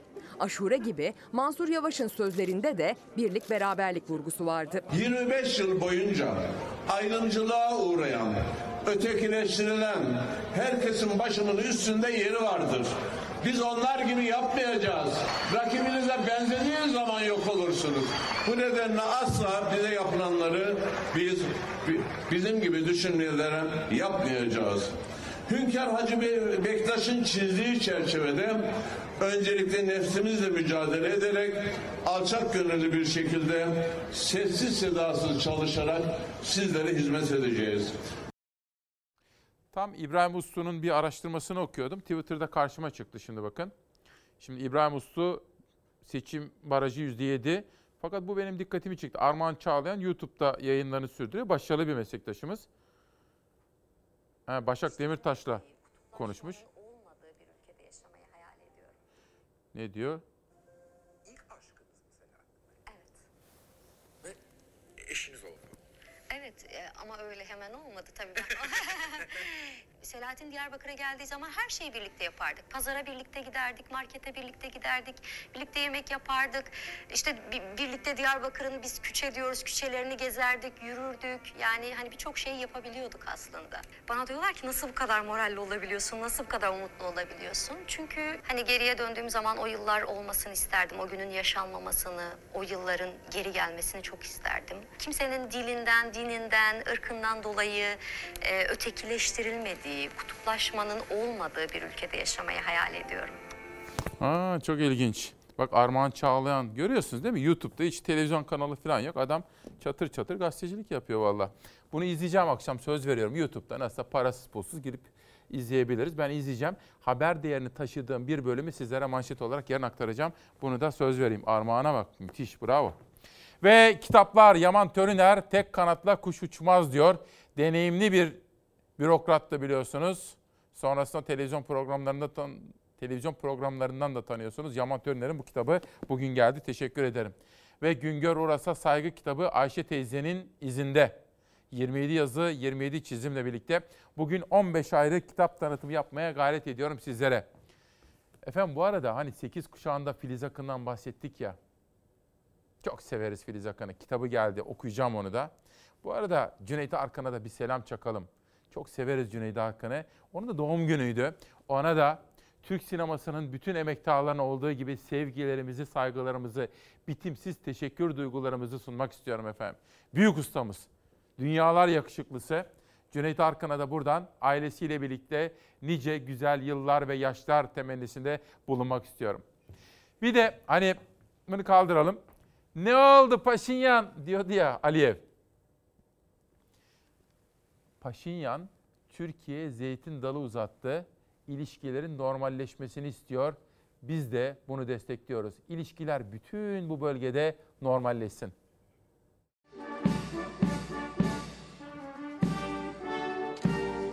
Cumhurbaşkanı Erdoğan 29 Ağustos'ta Karadağ ziyaretinde yakmıştı yeşil ışığı. Ermenistan'la ilişkileri kademeli normalleştirme sinyali sonrası Ermenistan Başbakanı Paşinyan ilk adımı attı. Erdoğan Bosna Hersek ve Karadağ ziyareti sonrası Ermenistan'la ilişkilere değindi. İleri ve gerçekçi yaklaşımı olursa Ermenistan hükümetiyle ilişkilerimizi kademeli olarak normalleştirmeye çalışabiliriz dedi. İlk somut hareket Ermenistan Başbakanı Paşinyan'dan geldi. İlişkilerin normalleşmesi için ilk adım olarak demiryolları ve karayollarının yeniden açılmasını işaret etti. Diyaloğa hazırız dedi.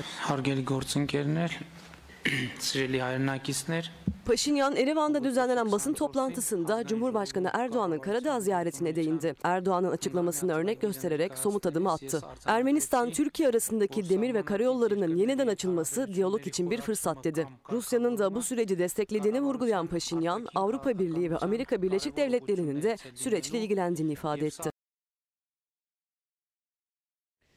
Bugün 9 Eylül ya İzmir ya bugün. Şöyle bir görelim İzmir'i.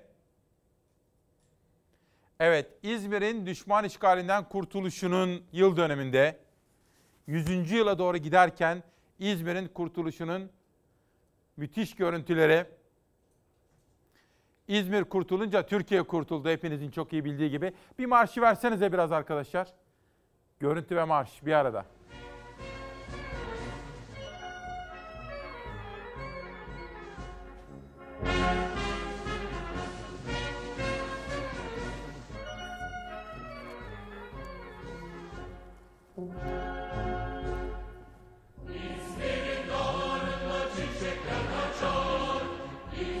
Güzel görüntüler bunlar. Aydın'dan, Uşak'tan, Manisa'dan sonra 4 Eylül'de Simav'da kurtuldu benim doğum yerim. Memleketime de bir selam. Ve işte muazzam bir görüntü eşliğinde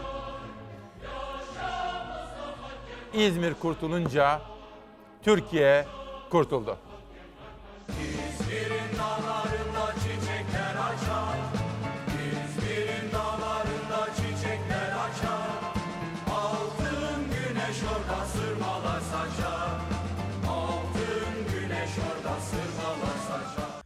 15 Mayıs 1919'da Yunan ordusunun İzmir'i işgali milli mücadelenin kaderini de değiştirdi. Yunanlara karşı ilk kurşunu Hasan Tahsin attı. Onun duruşu Anadolu'nun duruşuydu.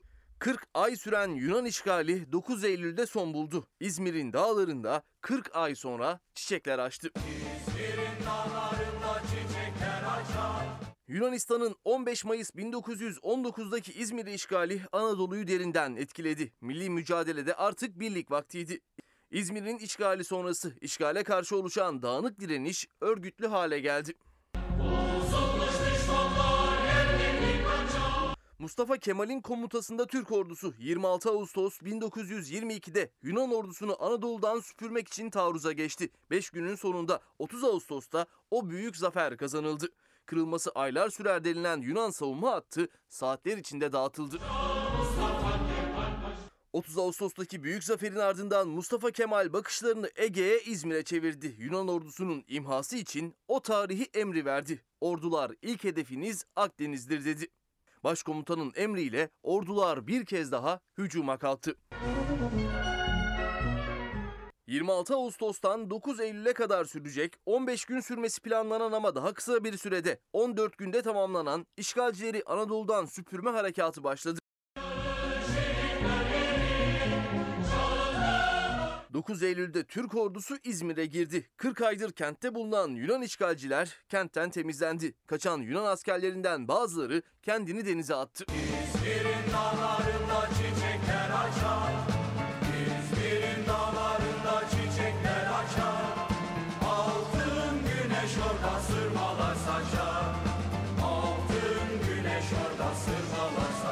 İzmir'in kurtuluşuyla 40 aydır hasret kalınan Türk bayrağı da İzmir'de gönderlerde dalgalandı. Mustafa Kemal kentte büyük coşkuyla karşılandı. İzmir 9 Eylül'de yeniden İzmir oldu. Adın yazılacak mücevher taşa. Yaşa Mustafa Kemal Paşa yaşa. Adın yazılacak mücevher taşa. O Kuvayi Milliye ruhu var ya Kuvayi Milliye hepimizin dedelerinin yar, savaştıkları, emperyalizmle mücadele ettikleri ve o birinci meclis ruhu var ya birinci meclis. Türkiye'nin çıkışı ve kurtuluşu işte orada efendim. Bunları konuşuyoruz. Günaydın. Bugün İsmail Küçüköy'le Demokrasi Meydanı'nda yine bir konuğum var. Bir partinin genel başkanı Sayın Ahmet Davutoğlu. Hoş geldiniz efendim. Hoş bulduk. Hoş Nasılsınız? bulduk. Teşekkürler. Siz de iyisiniz inşallah. Sağ olun. Sizi İstanbul'da bulabildik. Böyle fıldır fıldır her yerde dolaşıyorsunuz. Her Anadolu, evet. Rumeli. He? Evet. Dün gece yarısı Aydın'dan geldim. Evet. Bugün sizin program için buradayım. Yarın Bingöl'deyim. Ertesi gün Diyarbakır. Sonra döneceğim. Bu sefer gelecek hafta Uşak, Denizli, Muğla Sonra da Kayseri, Sivas, Kırşehir. Dün ajanslara yansıyan görüntüler var. Takip ettim Aydın'da. Oradan bir iki soru sormak istiyorum size. Ama izin verir misiniz gazetelere beraber Tabii, mı tabii, efendim? lütfen. Buyurun arkadaşlar. Bugün Ahmet Davutoğlu'nun birinci sayfadaki... Heh. Şimdi önce efendim biraz kısa kısa bir iki gö- konuda görüşlerinizi rica edeceğim. Sonra özellikle size Erdoğan Bayraktar meselesini sormak istiyorum. Ekonomiyi sormak istiyorum. Her şeyi Dün- sorabilirsiniz. Heh, harika sağ olun. Şimdi önce kararın birinci sayfasından şunu bir okuyup yorumunuzu çok merak ediyorum. Abu Dhabi masası Peker'i susturmak için mi kuruldu? Davutoğlu, iktidarın 15 Temmuz'un arkasındaki güç dediği Birleşik Arap Emirlikleri ile artan diplomasi trafiğine işaret etti. Bunun sebebi ilişkileri düzeltmek mi? Sedat Peker'i susturmak mı dedi. Şimdi dün Sedat Peker bir tweet, birkaç tweet attı efendim. Dedi ki işte bu Abu Dhabi ile ilişkiler düzeldi ya ben dedi bir Yunanistan'a gitsem dedi. Oradan dedi bir Ermenistan'a gitsem ilişkiler düzelir dedi. Kendisini anlamayanlar yani ironi yapanlara da İlber Ortaylı'ya havale ederek bir yanıt verdi. İşin böyle enteresan tarafları da var.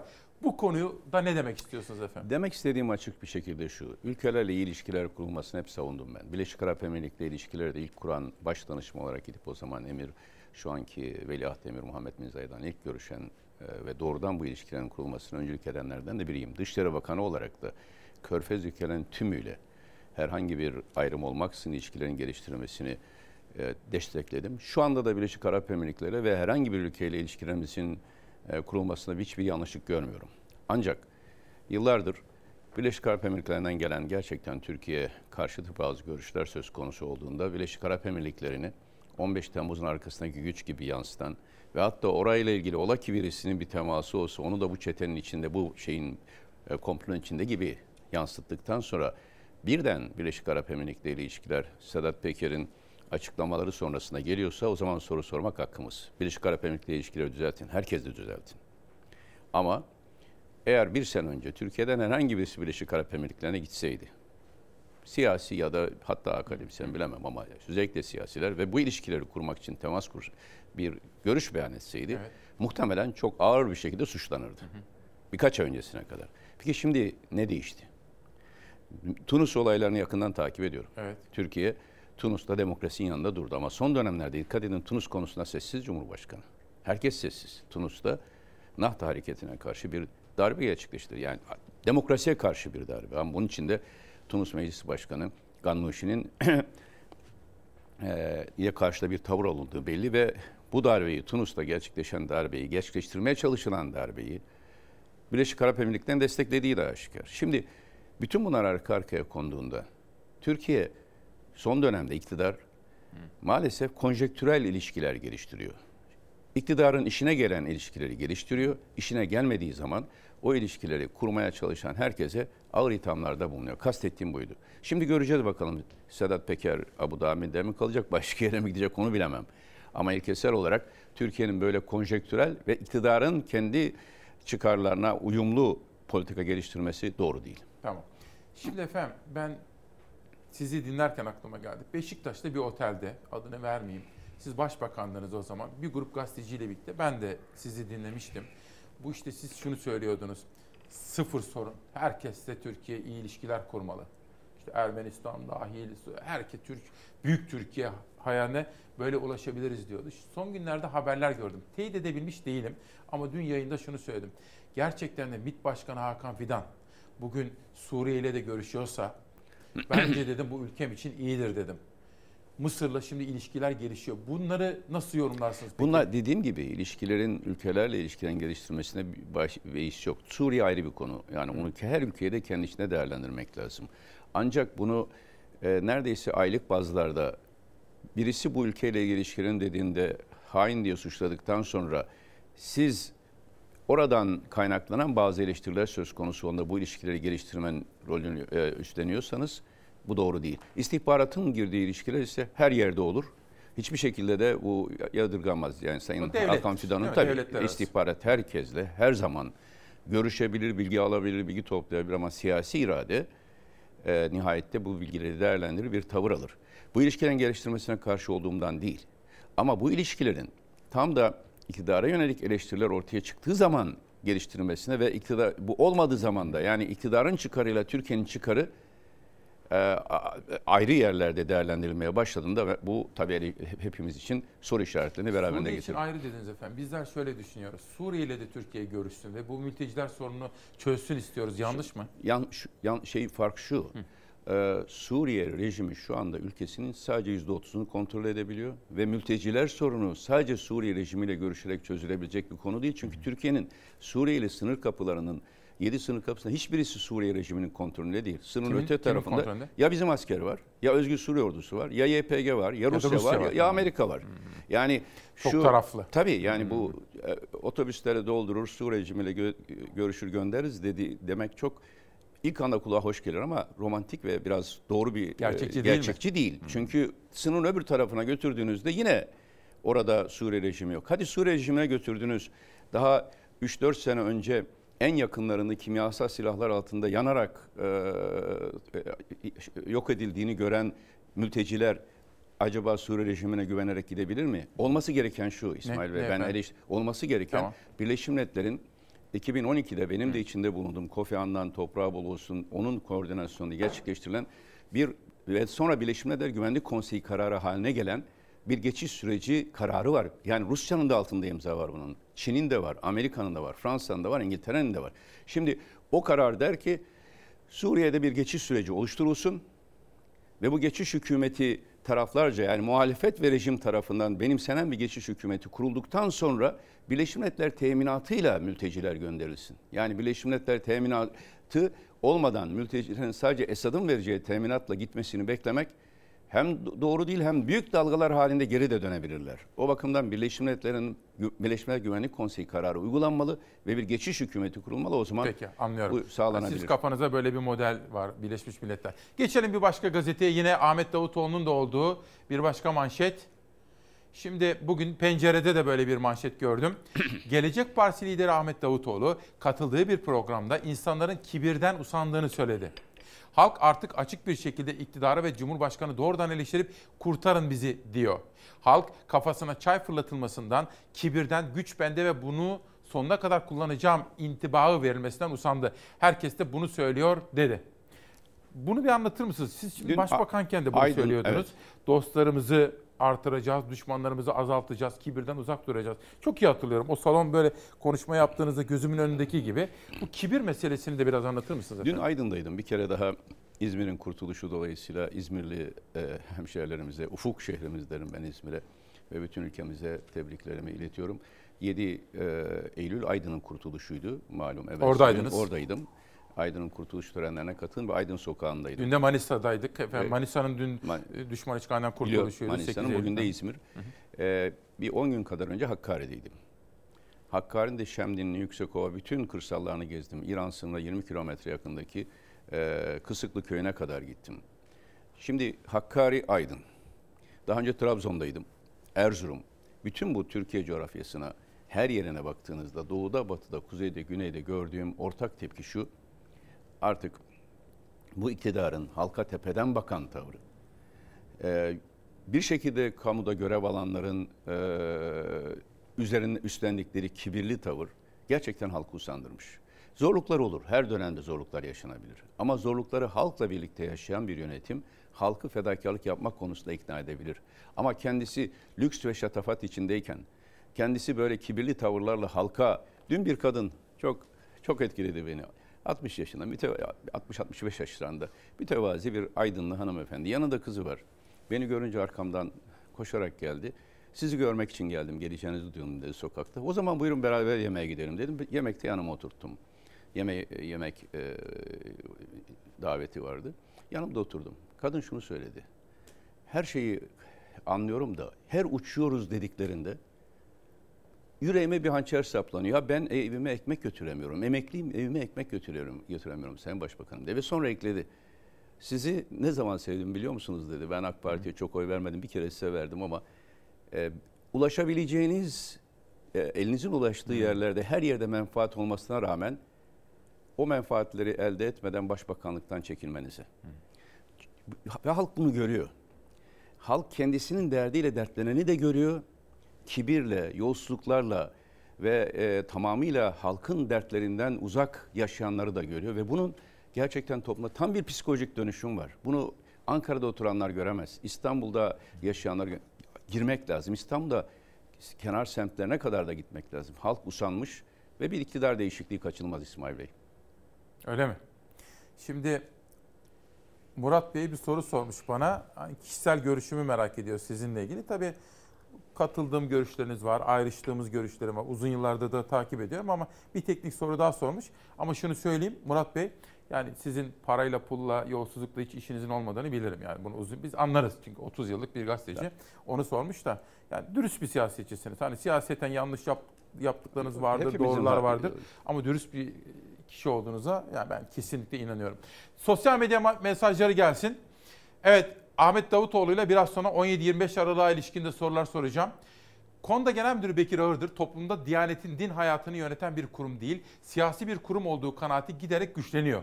Şimdi efendim şimdi bunu özellikle sizin de yorumlamanızı istiyorum. Çünkü sizin bu konulara bakışınızı, dine, hayata bakışınızı da bildiğim için Diyanet de önemli bir kurum. Atatürk tarafından da kuruldu fakat çok tartışılıyor ve Diyanet İşleri Başkanı da benim gözlemim de öyle. Ama o önemli değil. Sizin yorumunuz önemli. Çok fazla ön plana çıkıyor. Siyasal konular vesaire her yerde görüş beyan ediyor. Sizin yorumunuzu merak ediyorum. Bir kere e, gerçekten halkın da bu konuda dini kurumlara güvenini sarsan bir ortam oluştu. Benim bir gençlerle sohbet şeklinde yayınladım size de takdim Tabii. ettiğim Duruş diye bir kitabım var. Orada Evet. bir şeyi zikrederim. İki şey gösterildiği zaman olmadığına delalet eder. Birisi güç, birisi de dindarlık. Dindarlık öyle bir şeydir ki eğer göstermeye başlarsanız ve özellikle buna çaba sarf ederseniz riyaya girer ve gerçekliğini kaybeder. Son dönemde Diyanet İşleri Başkanlığı'nın açıklamaları normal şartlarda halk tarafından tepki görmeyebilirdi. Görmezdi de. Aynı Diyanet İşleri Başkanı bir hutbede rüşvet almanın en lanetlenmiş iş olduğunu söyleseydi, aynı Diyanet İşleri Başkanı emek vermeden 3-4 maaş almanın haram olduğunu söyleseydi, aynı Diyanet İşleri Başkanlığı bir fetva yayınlayıp kamu malına el uzatmanın, kul hakkına el uzatmanın affedilmeyecek, Allah tarafından da affedilmeyecek bir büyük haram olduğunu söyleseydi, yani üzerinde farklı fetvaların olduğu konuları gündeme getirmek ve bunlar üzerinde durmak yerine halkın şu anda rahatsız olduğu ve açık bir şekilde ahlaki sorun gördüğü alanlarda Diyanet İşleri Başkanı gerektiğinde Cumhurbaşkanlığına, gerektiğinde devlet kurumlarına doğrudan hitap etmeden ama halkın rahatsızlığını ifade edecek şekilde bir ahlaki e, rehberlik yapsaydı halka, halk Diyanet İşleri Başkanlığı'na güven kaybetmezdi. Ama bir taraftan sürekli e, e, görüş beyan edeceksiniz ama diğer taraftan dinin en temel hususları olan, en temel umdeleri olan konularda, ahlakilik konusunda hiçbir uyarıda bulunmayacaksınız. Kendi bakanlığı şirketinden bakanlığına dezenfektan satan bir bakan hakkında illa bir şey söylemesi gerekmez Diyanet Başkanı'nın bakanın ismini vermeden, vermeden. Ama kamu görevi yapan bunu şahsi menfaat için kullanamaz deseydi e, bugün bu tepkiler oluşmazdı. Maalesef ciddi bir e, güven zayıflaması var. E, bu zaten bu iktidarın benim en fazla e, üzerinde durarak Anadolu'da da vurguladım ve geniş yankı yapan e, görüşlerimden bir tanesi bu iktidarın en çok da manevi değerlere zarar vermesi. Gerçekten bundan hicap duyarak Öyle söylüyorum. midir? Tabii sürekli Muhafazakar olduğunu söyleyen bir iktidar tarafından. Yine o kitapta şunu söylerim ben gençlerle sohbette. Ahlakçı olma, ahlaklı ol. Din ve ahlak öyle bir şeydir ki insanlar sizde görür ve takip eder. Bunu Güzel zikretmeye, zikretmeye gerek yok. Peki. Ama her gün bunları vurguladıktan sonra eğer toplumda bir ahlaki çürümeye e, şey olma e, e, yol açıyorsanız en büyük zararı bu değerlere veriyorsunuz demektir. Bir başkası Sözcü'de bunu gördüm. Şimdi sizinle ilgili de gelen yorumlardan bir tanesi bu genelde öyle oluyor. Davutoğlu AKP'yi içindeyken neden eleştirmediği sorusunu yanıtladı diyor. Gücün en doruğunda olan Cumhurbaşkanı'na aileni devletin içinden çek diyen kaç siyasetçi çıktı yanıtını verdi. Evet. Benim AK Parti içindeki dönemim üç aşamaya ayrı değerlendirmek lazım. Bir görevde bulunduğum ve AK Parti'nin kurumları içinde görev üstlendiğim dönem MKYK üyesi olarak, MYK üyesi olarak yaptınız. danışmanlık yaptığım, e, Dışişleri Bakanı, Başbakan ve Genel Başkan. Bu dönem gördüğüm yanlışlıkları düzeltme sorumluluğu olan bir dönemdir. Yani eleştirme değil, kendi partim. Düzeltmek için kimse şunu diyemez. Davutoğlu yanlışları gördü ve düzeltmeye çaba sarf etmedi. Çaba sarf etmeseydim İsmail Bey hala bir yerlerde bir görevi kabul etmiş olurdum. Sert bir mücadele yürüttüm. Biraz sonra üzerinde duracağımız konularda da. Ee, siyasi ahlak yasasını ben niye getirdim kendi iktidarım döneminde? Çünkü siyasi ahlakı yozlaşmakta olduğunu görüyordum. Şeffaflık yasasını niye getirdim? Niye birinci, ikinci derece akrabalar milletvekilliğinde aday olamazlar dedim. Niye getirdim bunları? Çünkü görüyordum tabloyu. O anda görev kendi partini içeride eleştirmek değil, düzeltmek. Düzeltmeye çalıştım. Kimse bunu düzeltmeye çalışmadı, içerideyken konuşmadı diyemez. Her düzeyde konuştum. Bu olmayıp ve bu konuşmalarımdan rahatsız olanlar bana karşı bir parti içi darbe yapıp görevden ayrılmaya beni zorladıklarında troll çeteleriyle, ahlaksızca ithamlarla ben çıkıp o zaman da gerektiğini söyledim. Sizden refik görmüyorum dedim o heyeti. Sizden yol arkadaşı göremiyor, görmüyorum dedim. Ayrılırken dahi hitabıma bakın ve kendi irademle ayrılmıyorum dedim. Şimdi bu o aşama. ikinci aşama AK Parti milletvekili iken ve AK Parti üyesi iken ne yaptım? Cumhurbaşkanı'na gittim söyledim.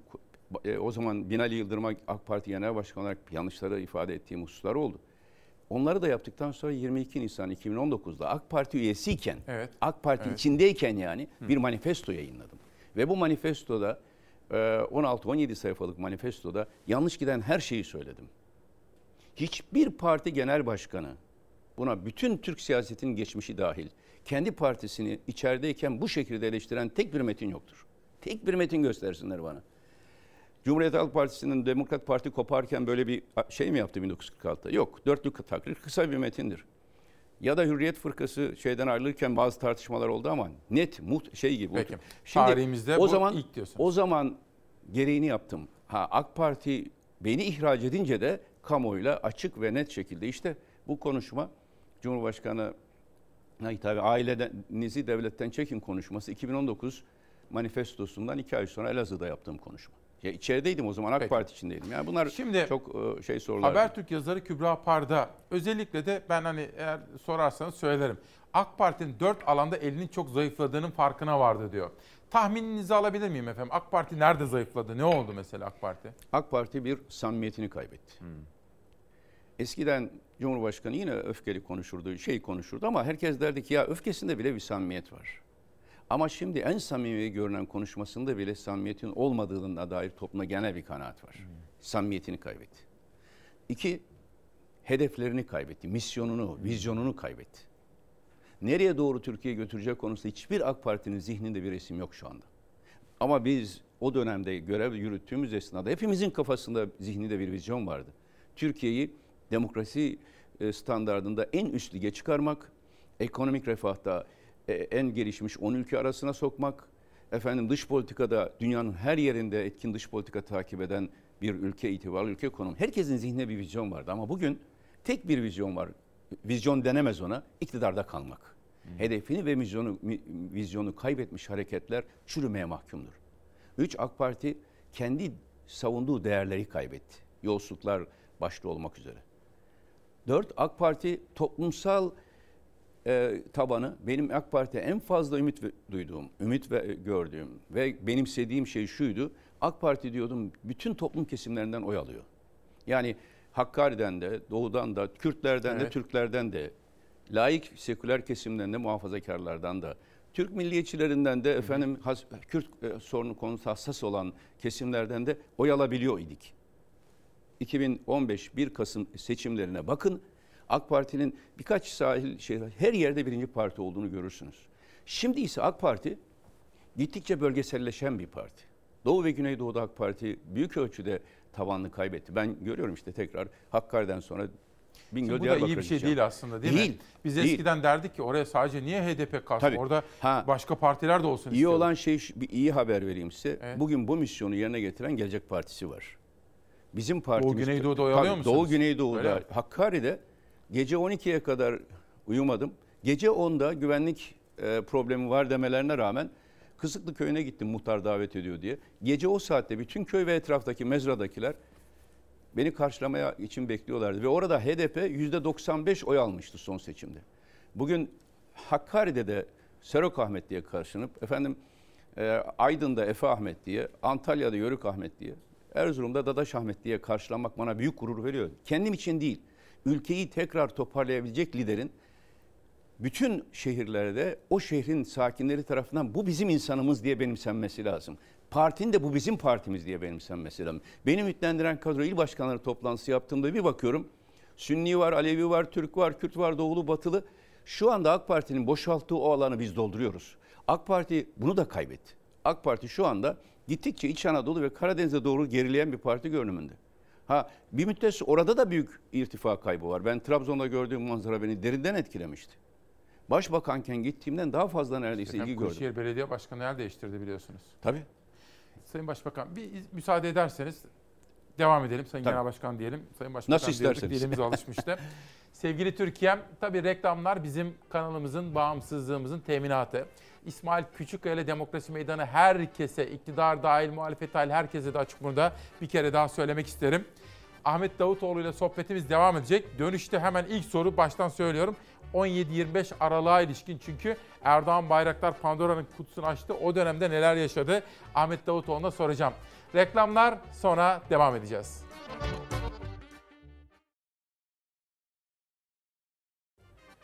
Bir kez daha günaydın ve hoş geldiniz. 9 Eylül 2021 Perşembe sabahında İsmail Küçükkaya ile Demokrasi Meydanı'nda Gelecek Partisi lideri Sayın Ahmet Davutoğlu konuğumuz. İlk turda gelen sorularınız var. Onları derleyip toparladım. Kendisine yönelteceğim. En fazla gelen sorulardan bir tanesi 17-25 Aralık'a ilişkin. Bunu da soracağımı anons etmiştim erken saatlerde. Savaş Yıldız'dan yönetmenimden bir rica edeceğim. Kısa bir hatırlatma haber hazırladık. Onu bir izleyelim. Ahmet Davutoğlu'nun yorumunu alacağız. Bu arkadaşlar Yüce Divan'a nasıl gönderilmedi? Bir siyasi hesap başladı. Malum arkadaşların o süre içerisinde bir sürü yerlerinde durmadılar ki yani. Sağa solu tehdit ettiler. Yakarız da yıkarız da. Mecliste soruşturma komisyonu açabilmemiz için tabii ki çoğunluk İktidar. gerekiyor. İktidarın buna evet demesi gerekiyor. 17-25 Aralık'tan sonra kurulan komisyonun nasıl işlediğini artık şimdi daha iyi biliyoruz. Çünkü çıktı dönemin ilgilileri açıklama yaptı. Öyle değil mi? Eski Çevre ve Şehircilik Bakanı Erdoğan Bayraktar'ın sözleri sonrası siyaset yeniden 8 yıl önce gündeme gelen 17-25 Aralık yolsuzluk ve rüşvet iddialarını meclisteki Yüce Divan oylamasını konuşmaya başladı. Soruşturma komisyonuna üye olan arkadaşlarla konuştuk tek tek. Hepsinin güçlü kanaatleri vardı. Güçlü ve olumsuz kanaatleri vardı. İş bir hukuki değerlendirmeden yavaş yavaş döndü bir siyasi değerlendirme. Siyasi hesap yapıldı. Yani işte öyle olursa ne olur, böyle olursa ne olur. Tutum çok açık herkes biliyor o dönem. Büyük bir hesap günü var buna inanırım. Bir de hukuka inanırım dedim. Dosyamda ne varsa hem tapeler hem teknik takip doğrudur. Hem de benim telefon konuşmalarım A'dan Z'ye kadar doğrudur. Erdoğan Bayraktar'ın teknik takip tapeler dosyamdaki her şey doğruydu açıklamasıyla 17-25 Aralık soruşturması yeniden gündeme oturdu. Muhalefet de bir kez daha soruşturma komisyonu çağrısı yaptı. AK Parti grubu getirsin e, bir soruşturma önergesini mecliste. Hep Size biz destek- evet vereceğiz hemen. Evet, evet. Çok da uzatmadan Yüce Divan'a gönderilmesini e, sağlayabilirsek eğer Türkiye bu travmadan kurtulur. Bunları e, tarafsız ve bağımsız bir yargı varsa yargı araştırmalı. Bayraktar benim günahım yok demek istemiş ama ben kimsenin gerekçesi olmam. Bu dosyalar Yüce Divan'a gitmeliydi. Vicdanların sesi konuşmaya başladı. Şimdi bu sesi duyacak ve işin ucu nereye, kime giderse gitsin. Peşini bırakmayacak savcılara ve yargıya ihtiyaç var. Şimdi tabii Erdoğan Bayraktar'ın yıllar sonra yapmış olduğu bu açıklama siyasette çok konuşuluyor. Ve o tarihlerde de AK Parti'nin en etkili isimlerinden bir tanesi Ahmet Davutoğlu. Bu ülkede başbakanlık yapmış bir isim. Siz efendim genel itibariyle nasıl yorumluyorsunuz? Şimdi maalesef Türkiye'de belli siyasi ilkeler ve süreçler çok e, muğlaklaştığı için tavır alma konusunda çok uç noktalara gidiliyor. Şimdi 17-25 Aralık'ta önce tutumu net olarak söyleyeyim. Sonra bütün bu detayları kamuoyumuzun önünde madem tartışılıyor her konuyu sorabilirsiniz. Ben de açık yürekle paylaşacağım. Bir grup var 17-25 Aralık olaylarını salt yolsuzluk dosyası olarak görüyor ve bu dosyaların yürütülmesi de özellikle de perde gerisindeki bir hükümete demokratik yola seçilmiş hükümete karşı olan motivasyonu önemsiz görüyor. Bir grup ise tam bunun uç noktada bu bir hükümet darbesidir diyor. Te- darbe teşebbüsü. Yolsuzluklar bunun gölgesi altında kalıyor. Benim tutumum hep şu oldu. 17-25 Aralık operasyonu 2011 yılında demokratik yolla seçilmiş hükümete ve başbakana karşı yapılmış bir e, dolaylı darbe teşebbüsüdür. Bunda hiç şüphem yok. Ve bunun başlangıç noktası da 7 Şubat 2012'de MİT müsteşarının ifadeye çağrılmasıdır. O zamandan itibaren ben paralel yapı de, e, denilen o zaman öyle deniyordu, FETÖ denmiyordu. Çok net tavır aldım. Kamuoyunda açıklamalar yaptım. Herkes bilir. Hatta şunu söyledim daha çarpıcı anlaşılsın diye. Allah şirk, devlet şerik kabul etmez. Devletin içinde paralel yapılanma olmaz. Şimdi 17-25 Aralık'ta dosyaları hazırlayan hukuk ve emniyet ve yargı süreçlerine baktığımızda bunlar koordineli bir şekilde bu dosyaları yıllarca bekletip uygun anı beklediler. Uygun an nedir? 31 Mart seçimleri öncesi 2014 yerel seçimleri ve Cumhurbaşkanlığı seçimi öncesinde AK Parti'nin gücünü kırarak farklı bir kompozisyona Türkiye yönetmeye çalıştılar. Ben bu konuda tavrımı açık ve net söyledim. Zaten Sayın Erdoğan yani e, Tayyip Erdoğan, Erdoğan Bayraktar'la karışmaması için Sayın Erdoğan Başbakanlığı ve Genel Başkanlığı bana tevdi ederken FETÖ'ye karşı en net tavır alan arkadaşım dedi. Hiç şüphesiz bir şekilde tavır aldım. Sizin için. Tabii. Ama şunu da söyledim. Yolsuzluklarla ilgili bir dosya varsa sonuna kadar gidilmeli ve siyaset yolsuzluklardan arındırılmalı. Şimdi benim tutumum net ve bu tutumu sadece sözde değil özde de uyguladım. Kimsenin bunda şüphesi olmasın. Yani bir kapalı kapılar ardında falan konuşmadım. Kamuoyuna çıktım şunu söyledim. Yolsuzluk yapan kardeşim olsa hazineye el uzatan veya kamu malına kolunu kırarım dedim. Şimdi bu ilke açısından bir kere pozisyonu koyduktan sonra olayların akış seyrini de çoğu zaman insanlar karıştırıyor. Kısaca onu da söyleyeyim. Tamam. 17 Aralık operasyonlar yapıldı. Karşı tedbirler alındı.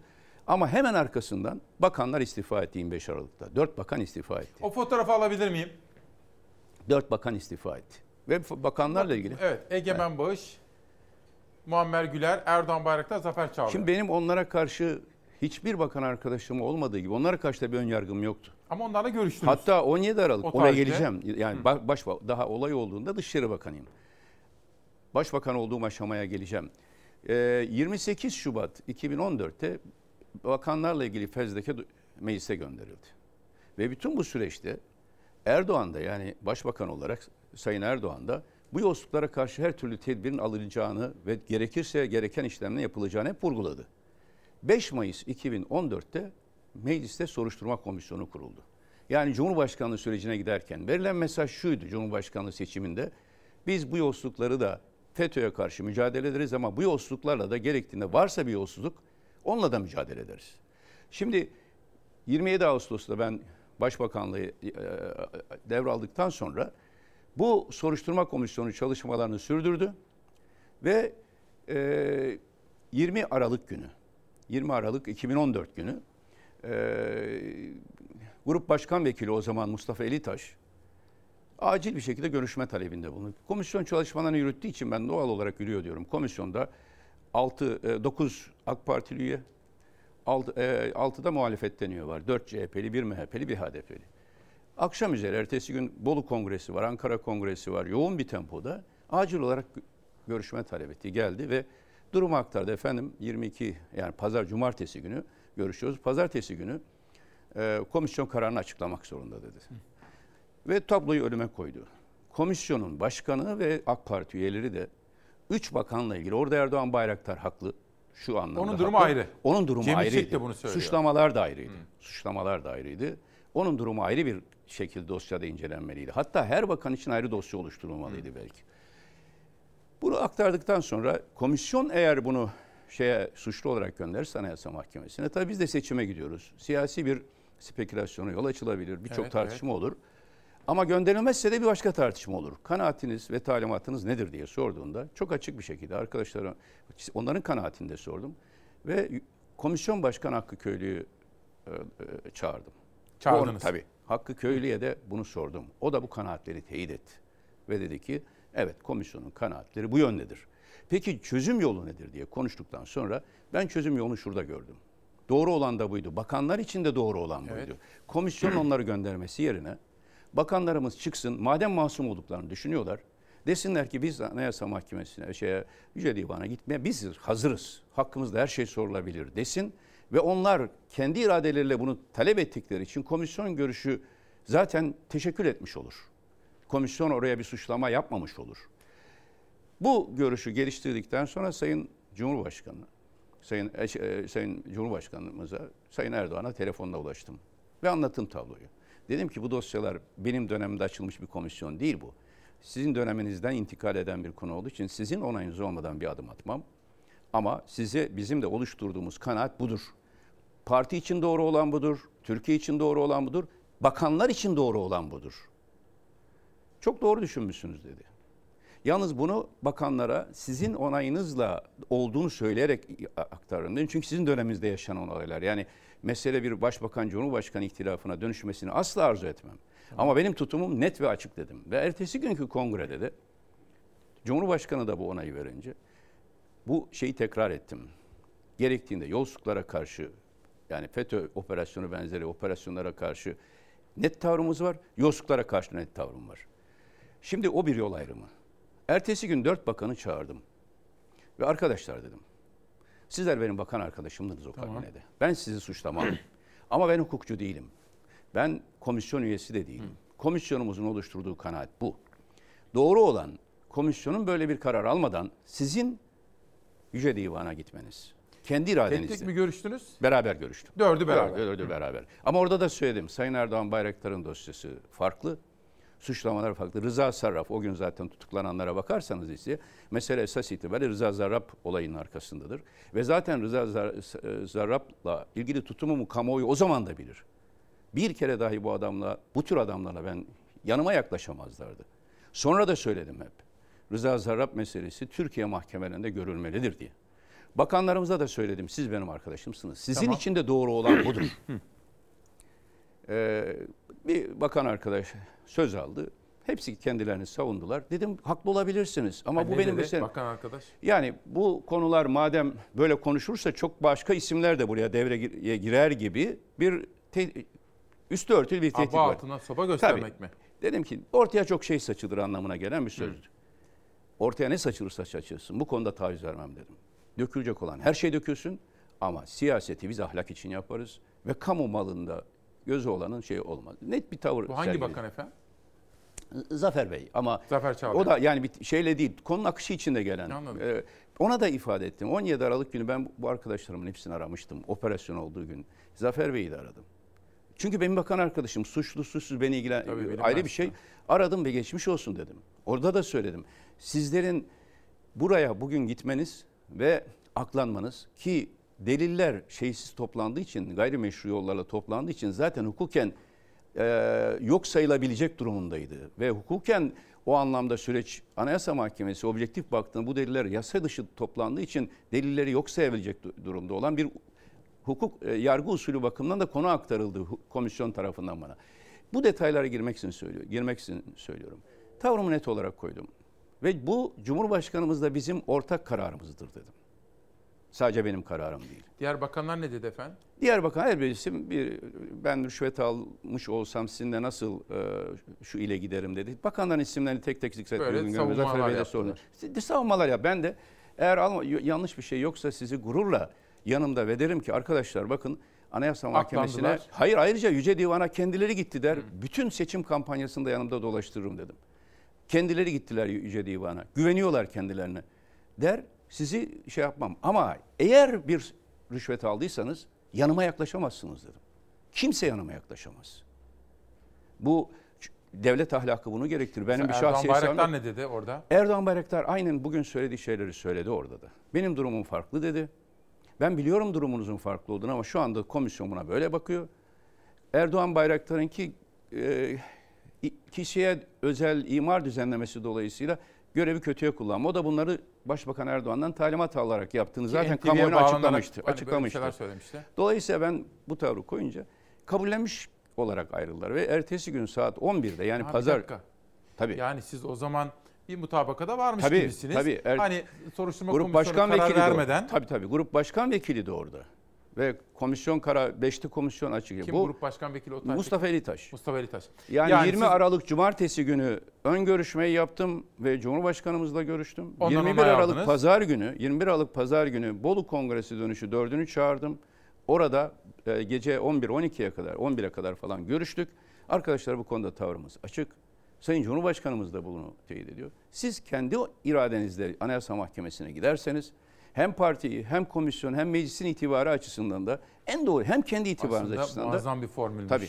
Kendi itibarınız açısından da ve şunu söyledim. Gidersiniz ve aklanırsanız bu mesele kapanır.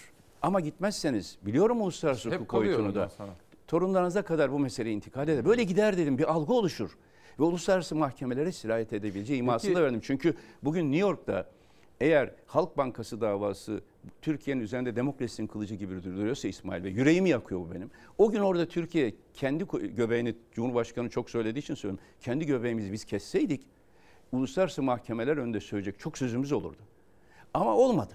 Ve bu em- samimiyetle söylüyorum yıllar geçti. Belki bu arkadaşlar bana gönül koydular. Samimiyetle söylüyorum onları da düşünerek bu formülü ürettim. Peki ama efendim şimdi siz oradaki mutabakata rağmen Sayın Erdoğan'ın onayına rağmen bu nasıl döndü sonra? Şöyle onu da anlatacağım.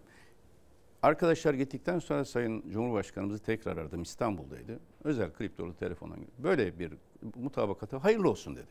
Ve ben gönül huzuru ile partim, ülkem ve bakan arkadaşlarımız için de en doğru olan olduğu şeklinde o gece yastığa kafayı korarken öyle düşündüm. Ertesi gün saat 11'de bakan arkadaşlar Anayasa Mahkemesi yani, yani Yüce Divan diyeyim Yüce Divan'a gitmek kararını kendilerinin açıklamasını beklerken ve açıklamayınca grup başkan vekilimizi aradığımızda Cumhurbaşkanımızdan farklı bir talimat gittiğini öğrendim.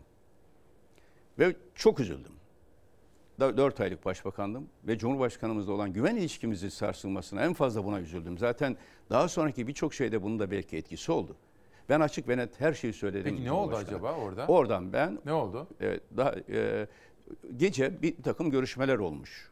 E, yani onun detaylarını tabii benim bilmem mümkün Muhtemelen bu bakanlar Ha, Sayın Cumhurbaşkanı, Sayın o zaman Cumhurba- Başbakan'a gittiler. Sayın Şimdi Baş- pek kamuoyuyla paylaşmadım ama madem ki şartlar buraya geldi, aç, e, şey yaptığım bir hususu da dile getireyim. Bu üzüntüyle Cumhurbaşkanımızdan görüşme talep ettim ve baş başa görüştük. Kendisine de şunu söyledim. Sayın Cumhurbaşkanım, benim bu arkadaşlarımla hiçbir meselem yok. Dosyayı da bilmiyorum. Yani hukukçu değilim. Olaylar benim dönemimde olmadı. Ve sizinle bir mutabakata varmıştık. Türkiye içinde bu arkadaşlar için en doğru olan buydu. Niye değiştirdiniz? Yapmayın. Bunun bir hükümete karşı operasyon olduğu şeyin aynen katılıyorum dedim. Bu hükümete karşı operasyon ve bu konuda benim tavrım net. Ve her zaman net olacak. Hükümetimizi sizinle ilgili demokratik yolda seçilmiş Cumhurbaşkanı ve Başbakan'a karşı kim tavır sergilerse karşısında demir yumruk gibi dururum. Ama bu noktaya gelmiş ve sizin kurmuş olduğunuz bir komisyon bu. Benim kurdurduğum bir komisyon değil. Komisyon böyle bir genel temayül beyan etmişse buna e, şey yapmak lazım ve şunu da ifade ettim yüreğim yanarak ifade. Şu anda Cumhurbaşkanı ayrı siyasi kulvardayız. Ama şunu yüre, açık yürekle söyledim. Sayın Cumhurbaşkanım siz sadece Tayyip Erdoğan değilsiniz. Türkiye Cumhuriyeti Cumhurbaşkanı ve One Minute olayından sonra mazlum milletlerin sembolü olan bir isim Erdoğan. Bunu yıpratmamak benim, bunu da korumak benim görevim. Lütfen bu konuda vardığımız mutabakata şey kalalım. Arkadaşlar için de bu iyi. Zamanla ve Rıza Zarrab e, konusunda da açık tavrımı da söyledim. Sonra şu soruya muhatap oldum. Orada da başka yerde de, birçok yerde de bu soru geldi. Hediye almak suç mu? O zaman net şeyim, şu anda da tutumum budur. Hem çağdaş hukuk anlamında hediye almak devlet görevlisi için suçtur. Sembolik hediyeler dışında. Bunun da arka planını vereceğim. Hem de bizim değerlerimiz açısından ve kendisine şunu da söyledim. Daha sonra da birçok yerde zikrettim. Hazreti Peygamber'in çağdaş hukuka da temel teşkil etmiş çok çarpıcı bir e, e, hadisi var bu noktada. Zekat memurunu yani zekat toplamak için üzere bir memuru gönderdiğinde zek, memur toplar zekatı gelir der ki şunları hazineye verdiler şunları da bana verdiler. Peygamber, Hazreti Peygamber'in cevabı şudur. Sen evinde oturuyor olsaydın bunları sana verecekler miydi? Çağdaş hukukta da rüşvetin şeyin tanımı biraz da budur hediyenin. Eğer evinde oturuyorken sana verilmeyecek çapta bir hediye ise yani evinde oturan bir nedeni mesela dün bana İzmir'de bir sepet incir verdiler. Bahçeden topladım Ya diye. çikolata gelir. Ha, be- beni, Ama ben, gerçek çikolata. ben gene Evet. genel başkan ya da eski başbakan olmasam da İ- İz- Aydınlı hemşehrim bana onu verir. Ama aynı Aydınlı hemşehri e, birisi bana getirip bir altın kol saati bilmem kıymetli bir kol saati bir dakika bu nereden çıktı ben sana ne hizmet ettim diye sorarım. Şimdi bunu da söyledim kendisine ve bunun bu değerleri korumamızın bizim için ve bu değerler için asli olduğunu söyledim. Uzun biraz tatlı sert bir görüşme seyretti. O da tabii temelde bu meselenin e, hükümete karşı ve Türkiye'de demokrasiye karşı kullanılabileceği argümanı üzerinde durdu. Ben de kullanmamak için sert mücadele verelim. Kimseye izin vermeyelim ama kamudaki seçime gidiyoruz. yolsuzluk algısını ortadan kaldıran dedim. Sonunda mutabakata varmadan ayrılmak durumunda kaldık. Ve tabii daha yeni bir başbakanlık ve parti süreçleri içinde e, yerleşmiş kurallar sonrasında Cumhurbaşkanı'nın talimat şeyiyle o gün ertelendi o toplandı. Tekrar bir çözüm olabilir mi diye. 22 Aralık'tan 5 Ocağı ertelendi. Yine üzerinde durduk. Anlatmaya çalıştım. Bir daha görüştünüz mü Sayın Erdoğan'la? Tabii o haftalık görüşmenin mutlaka devam görüştünüz. Bu konu yine gündeme yine, geldi yine mi? anlatmaya çalıştım. Yani doğru olan bu. Yapmayın. İleride üzerimizde yük olarak kalır. E, ta hatta bu konularda açık söyleyeyim. Çok da destek gördüğümü söyleyemem. Partiden ve çevreden şeyden de görüşler beyan ediliyor ama Cumhurbaşkanı'nın kanaati karşısında e, Allah için Cemil Çiçek birçok kez bütün bu süreçte gelerek Sayın Başbakanım biz ANAP'ın çöküşünü gördük. Sizin bu yolsuzluklarla mücadele konusundaki kararlılığınızı destekliyorum. Çünkü aynı çöküşü burada da yaşayabiliriz diye çok zikretti. Ve o konuda Cemil Bey'in son açıklamalarını doğru bulurum. Başka kim var mesela böyle? Yani tek tek arkadaşlar olur ama Cemil Bey'in tabii o zaman Ama- özel konumu da var. Pa- e, partideki hani eski meclis başkanı Her zaman olarak. etkili bir E, etkili ötesinde bu konuda net tavır e, şey yapan çok şu anda konuşan arkadaşların çoğundan gelip de yalnızdayız aman böyle yapalım diyen kimse de pek çıkmadı onu da söyleyeyim. Yani e, kamuoyunun önünde de net ve açık mücadeleyi verdim. Yalnız kalmak pahasına da verdim. Açık açık da söyledim. Ortaya ne saçılırsa saçılsın sonuna kadar giderim dedim. Peki ne oldu? Aynı günlerde hediye alma genelgesi yayınladım. 2011'de Sayın Erdoğan'ın döneminde çıkan genelgeyi yeniledim. Kamu görevlileri hediye alamaz dedim. Yurt dışında alınan hediyelerin tümü hazineye intikal eder dedim. Bu da bir rahatsızlık zamanla e, doğurdu. Bu o kadar açık bir şey ki çarpıcı birçok vatandaşımız bunu e, bunun tarihi geçmişini bilmez. İlk hediye yasağı ne zaman çıkmış bizim hukuk mevzuatında biliyor musun? 1853 yılında Sultan Abdülmecit döneminde yayınlanan bir e, karar e, yasayla di- diyor ki hediyeler ancak 50 yumurta ölçeğinde olursa kabul görür. O zaman hani e, ölçülere göre. O günden bugüne bizde de devlet adamların hediye almasına dönük bir yasak var. Bir soru Şimdi- soracağım evet. size efendim. Şimdi tabii bu hediye kapsamına girer mi? Ya işte 700 bin franklık saattir, şudur budur, kutuların içindeki yani o tamam. Şimdi bir şey soracağım size. Geldik bugüne 2022'ye doğru gidiyoruz. Geçtiğimiz hafta ben Sayın Kılıçdaroğlu, Sayın Akşener, Temel Karamollaoğlu, işte Mithat Sancar hepsini gördüm. İşte şimdi sizi zatenizi görüyorum. Ankara'da yayınıma gelmediler ama birebir AK Parti'nin çok etkili isimleriyle de görüştüm. Kimisine yayın yönetmenim Doğan Şentürk de vardı, kimisine kendim gittim filan. Onlar da diyorlar ki bu bize haksızlık oldu. Bu bütün tablonun bu hale gelmesi. Partimiz işte biz kurarken böyleydi. Şimdi algı, gerçeklik ayrı ama bir de algı var yani bir me- mefhum diye. Fakat geldiğimiz noktada bundan biz ülke olarak AK Parti de kendi partisi olarak nasıl çıkarız efendim? Şimdi bozulma nasıl oluyor biliyor musunuz? Üç aşamalı görürüm bozulmayı ben. Tedbir de üç aşamalı. Bir, şöyle bir kanaat yerleşir. İyi insan yetiştirirsek, ahlaklı insan bu bozulmayı engelleyebiliriz. Ben tecrübeyle gördüm ki iyi insan yetiştirmiş olmak bir garanti değil. Çünkü güç bozabiliyor. İyi yetişmiş insanları da boz. Hepimizi bozabilir. İklim önemli. Sistem. Yani sosyal, hayır sistemden önce iklim. İklim mi? Sosyal iklim. Bakın size çok net söyleyeyim. Eğer o gün benim dediğim şeyler yapılmış olsaydı o, bu sosyal iklim oluşmaz. En ufak hediye alan bile hediyeyi geri verme ihtiyacı hissederdi. Kendi örneğimden bir çarpıcı bir örnek vereceğim. Ee, üçüncüsü de sistem, yasalar. Bakın şimdi ne oldu? Ee, bana bu soru sorulduğunda hiç hediye almadınız mı? Dedim ki almadım. Başbakanlıkta aldığım hediyeleri de e, değerli, sembolik değer olanları sergilerim. Sonra da ayrılırken hepsini hazineye geri vereceğim. İçerideki hediyeler makuldür ama yurt dışı hediyeler çok yüksek, milyon dolarları bulan hediyeler vardır. Başbakanlıktan ayrıldığıma kararını açıkladığımda müsteşarımı çağırdım. Kemal Madenoğlu, Başbakanlık Müsteşarı. Dedim ki Kemal Bey, bana, eşime, çocuklarıma verilen hediyeler var. Ve bu hediyeler protokolle verilmez çoğu zaman. Odanıza bırakılır, sadece siz görürsünüz. Yani birisi dışları üzerinden falan gidip de devlet kaydına girmeyen hediyelerdir bir kısmı da. O zaman Aslında Batı ülkelerinde böyle şeyler olmaz. Olmaz. Bu daha çok Bu bu böyle doğuda olan bir adet. Yani doğuda filan. E, Ülke ismi vermiyorum ama iki önemli ülkeden gittiğimde ziyaret esnasında verilen hediyeler. Sara Hanım şaşırdı odada bunu görünce. Bunlar ne yapacağız? Dedim ki bu şey çocuklara, herkese hediyeler. Bunları kayda alacağız. Bizdeki başbakanlık kasasına koyacağız. Ve hazineye ben bırakırken hazineye intikal edecek bunlar. Güzel. Ve hepsini Sara Hanım fotoğraflarını çekti, dosya tuttu. Hala elimde o dosya mevcut. Tek tek yüzüklerin, e, saatlerin, kolyelerin hepsinin hediyesi şey tutuldu. O bizde duruyordu ben duruyordu. Sayın e, Müsteşara Kemal Madenoğlu'na, o da işte devlet bürokratıdır. Hepsi bunlara şahitlidir. Hiçbirisi spekülatif değil. Getir dedim şeyi, e, uygulama nasıl olacaksa ben bu hediyeleri nakledeyim. 1936 yılı yanılmıyorsam 1936 yılında çıkan bir kanunla yurt dışından kıymet alınan kıymetli hediyeler başbakan tarafından geri verilirken bir vergi dairesinden defterdarlıktan birisi, bir başbakanlık yetkisi, bir de bilirkişi. Yani o işin uzmanı, mücevherat neyse bir araya geliyor, bir komisyon oluşturuyor. Değerlendirme yapılıyor ve başbakan tutanakla bunu bir sonraki başbakana veriyor. Şimdi bunu yapın dedim. Hemen yapalım. Dedi ki efendim yalnız bir sıkıntı şey var, problem olabilir. Şu ana kadar başbakanlık kaydında böyle bir süreç işlediğine dair bir belge yok. Yani geriye doğru. Başkası ne yaptı, ne yapmadı bilemem. Ama benim görevim kanunu uygulamak. Benim görevim kanun neyse onu yapmak.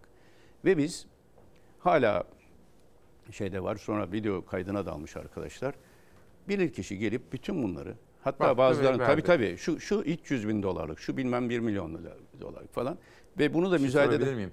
1 milyon dolarlık ne var efendim? yani şimdi bir şey yapmayayım. Mesela, ha, devlet kaydına Yani- için. Yok ya o mücevheratların, kolyelerin, e, pırlantalı bilmem falan filan ben de bir anlamam bu işten. Ama bunu bir de diyor müzayede de çok çarpıcı duyunca ben de güldüm. İşte şu devlet başkanı kral e, Davutoğlu'na veren verdiği şu hediye diye ben müzayede bunu satsam 5 misli fiyatına satarım diyor. 3 misli fiyatına. O da bilir kişi olarak bakıyor. Her neyse bu kayıtları tuttum ve benden e, Binali Yıldırım'a görevi devrederken sizin e, şey, na, namusunuza emanettir diyerek kendisine dosyayla birlikte verdim. Başbakanlık kasasında bıraktım. Güzel örnek bu. Başbakan. Hatta kulağı çınlasın Mehmet Yılmaz Hürriyet'te Hep o yazardı o. Yazardı. Böyle O- köşede hep ne yaptınız hediyeleri diye 27, eski 27 Mayıs zannediyorum. Ben başbakan yatan bir hafta sonra bir yazı yazdı. Hep bana sorardı. Hani Davutoğlu ne yaptı hediyeleri falan diye. Ben de bir yazıyla avukatım çünkü öyle tek İşte şey yaptı. yaptım diye. Şunu yaptım diye çok kimseyi şey Bu da bir sıkıntı doğurdu. Hemen e sen yaptın başkası ne yaptı sorusunu için mi diye. Şimdi bizim bizim şöyle bakmamız lazım olaya. Bu kadar tecrübeden sonra ne yapacağımızı söyleyeyim. Gelsem iktidara. Bir, evet ahlaklı insanlar yetiştireceğiz ama yetmez. Her ahlaklı insan bozulabilir. Hepimiz insanız. Hepimizde nefs var. Sosyal iklimi düzelteceğiz. Başbakanlık genelgesini ben yayınladıktan sonra hediye yasa kimse hediye almamaya başladı. Ve sadece şunu söyledim. Bana hediye vermeyin. Ben gittiğimde şehrinize bir ağaç dikin. Onu küçük bir kağıtla şu ağaç dikildi diye. Türkiye İkinci bir şey yaptım. Sadece rüşvet şeyle olmaz, parayla olmaz. İtibari rüşvet vardır. İtibar rüşveti. Kamu parasıyla yapılan binalara yaşayan siyasetçilerin adının verilmesi itibar rüşvetidir.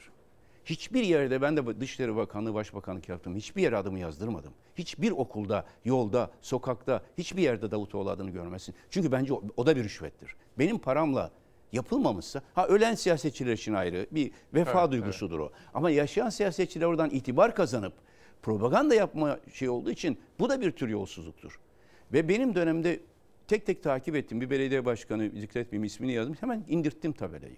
Bir tek o ormanlar, hatıra ormanlar benim adıma şeyler vardı. Onlar da sonra söktüler. Arkadaşlar rahatsız oldu efendim söküyorlar diye. Bırakın söksünler dedim. Ben adımın yaşaması için yapmadım hizmetleri. biz işte- Şimdi geldiğimiz yer ikincisi iklimi düzelteceksin. Üçüncüsü de kuralları koyacaksın ve uygulayacaksın. Sistem. 1930'lu yıllarda başbakanın hediye almasıyla ilgili bir kural konmuşsa uygulanacak arkadaş. Uygulamayan da hesap verecek. Şimdi bunu bütün bu tecrübeden sonra ben halkıma şunu garanti ederim. Bir gün halkımın iradesiyle tekrar bir güç nasip olursa bu yolsuzlukların dolaylı doğrudan bu tür hediye üzerinden başka yollarla dolaylı doğrudan yapılan bu yanlış işlerin hepsinin sonunu getirecek bir dönemi başlatacağım. Başlatmaya kararlıyım demiyorum, başlatacağım. Çünkü gördüm, yaşadım, biliyorum. Eğer bir seçilmiş bir hükümete Cumhurbaşkanı'na karşı biri darbe teşebbüsü, operasyon yaparsa 17-25 Aralık gibi onun karşısında da dimdik dururuz.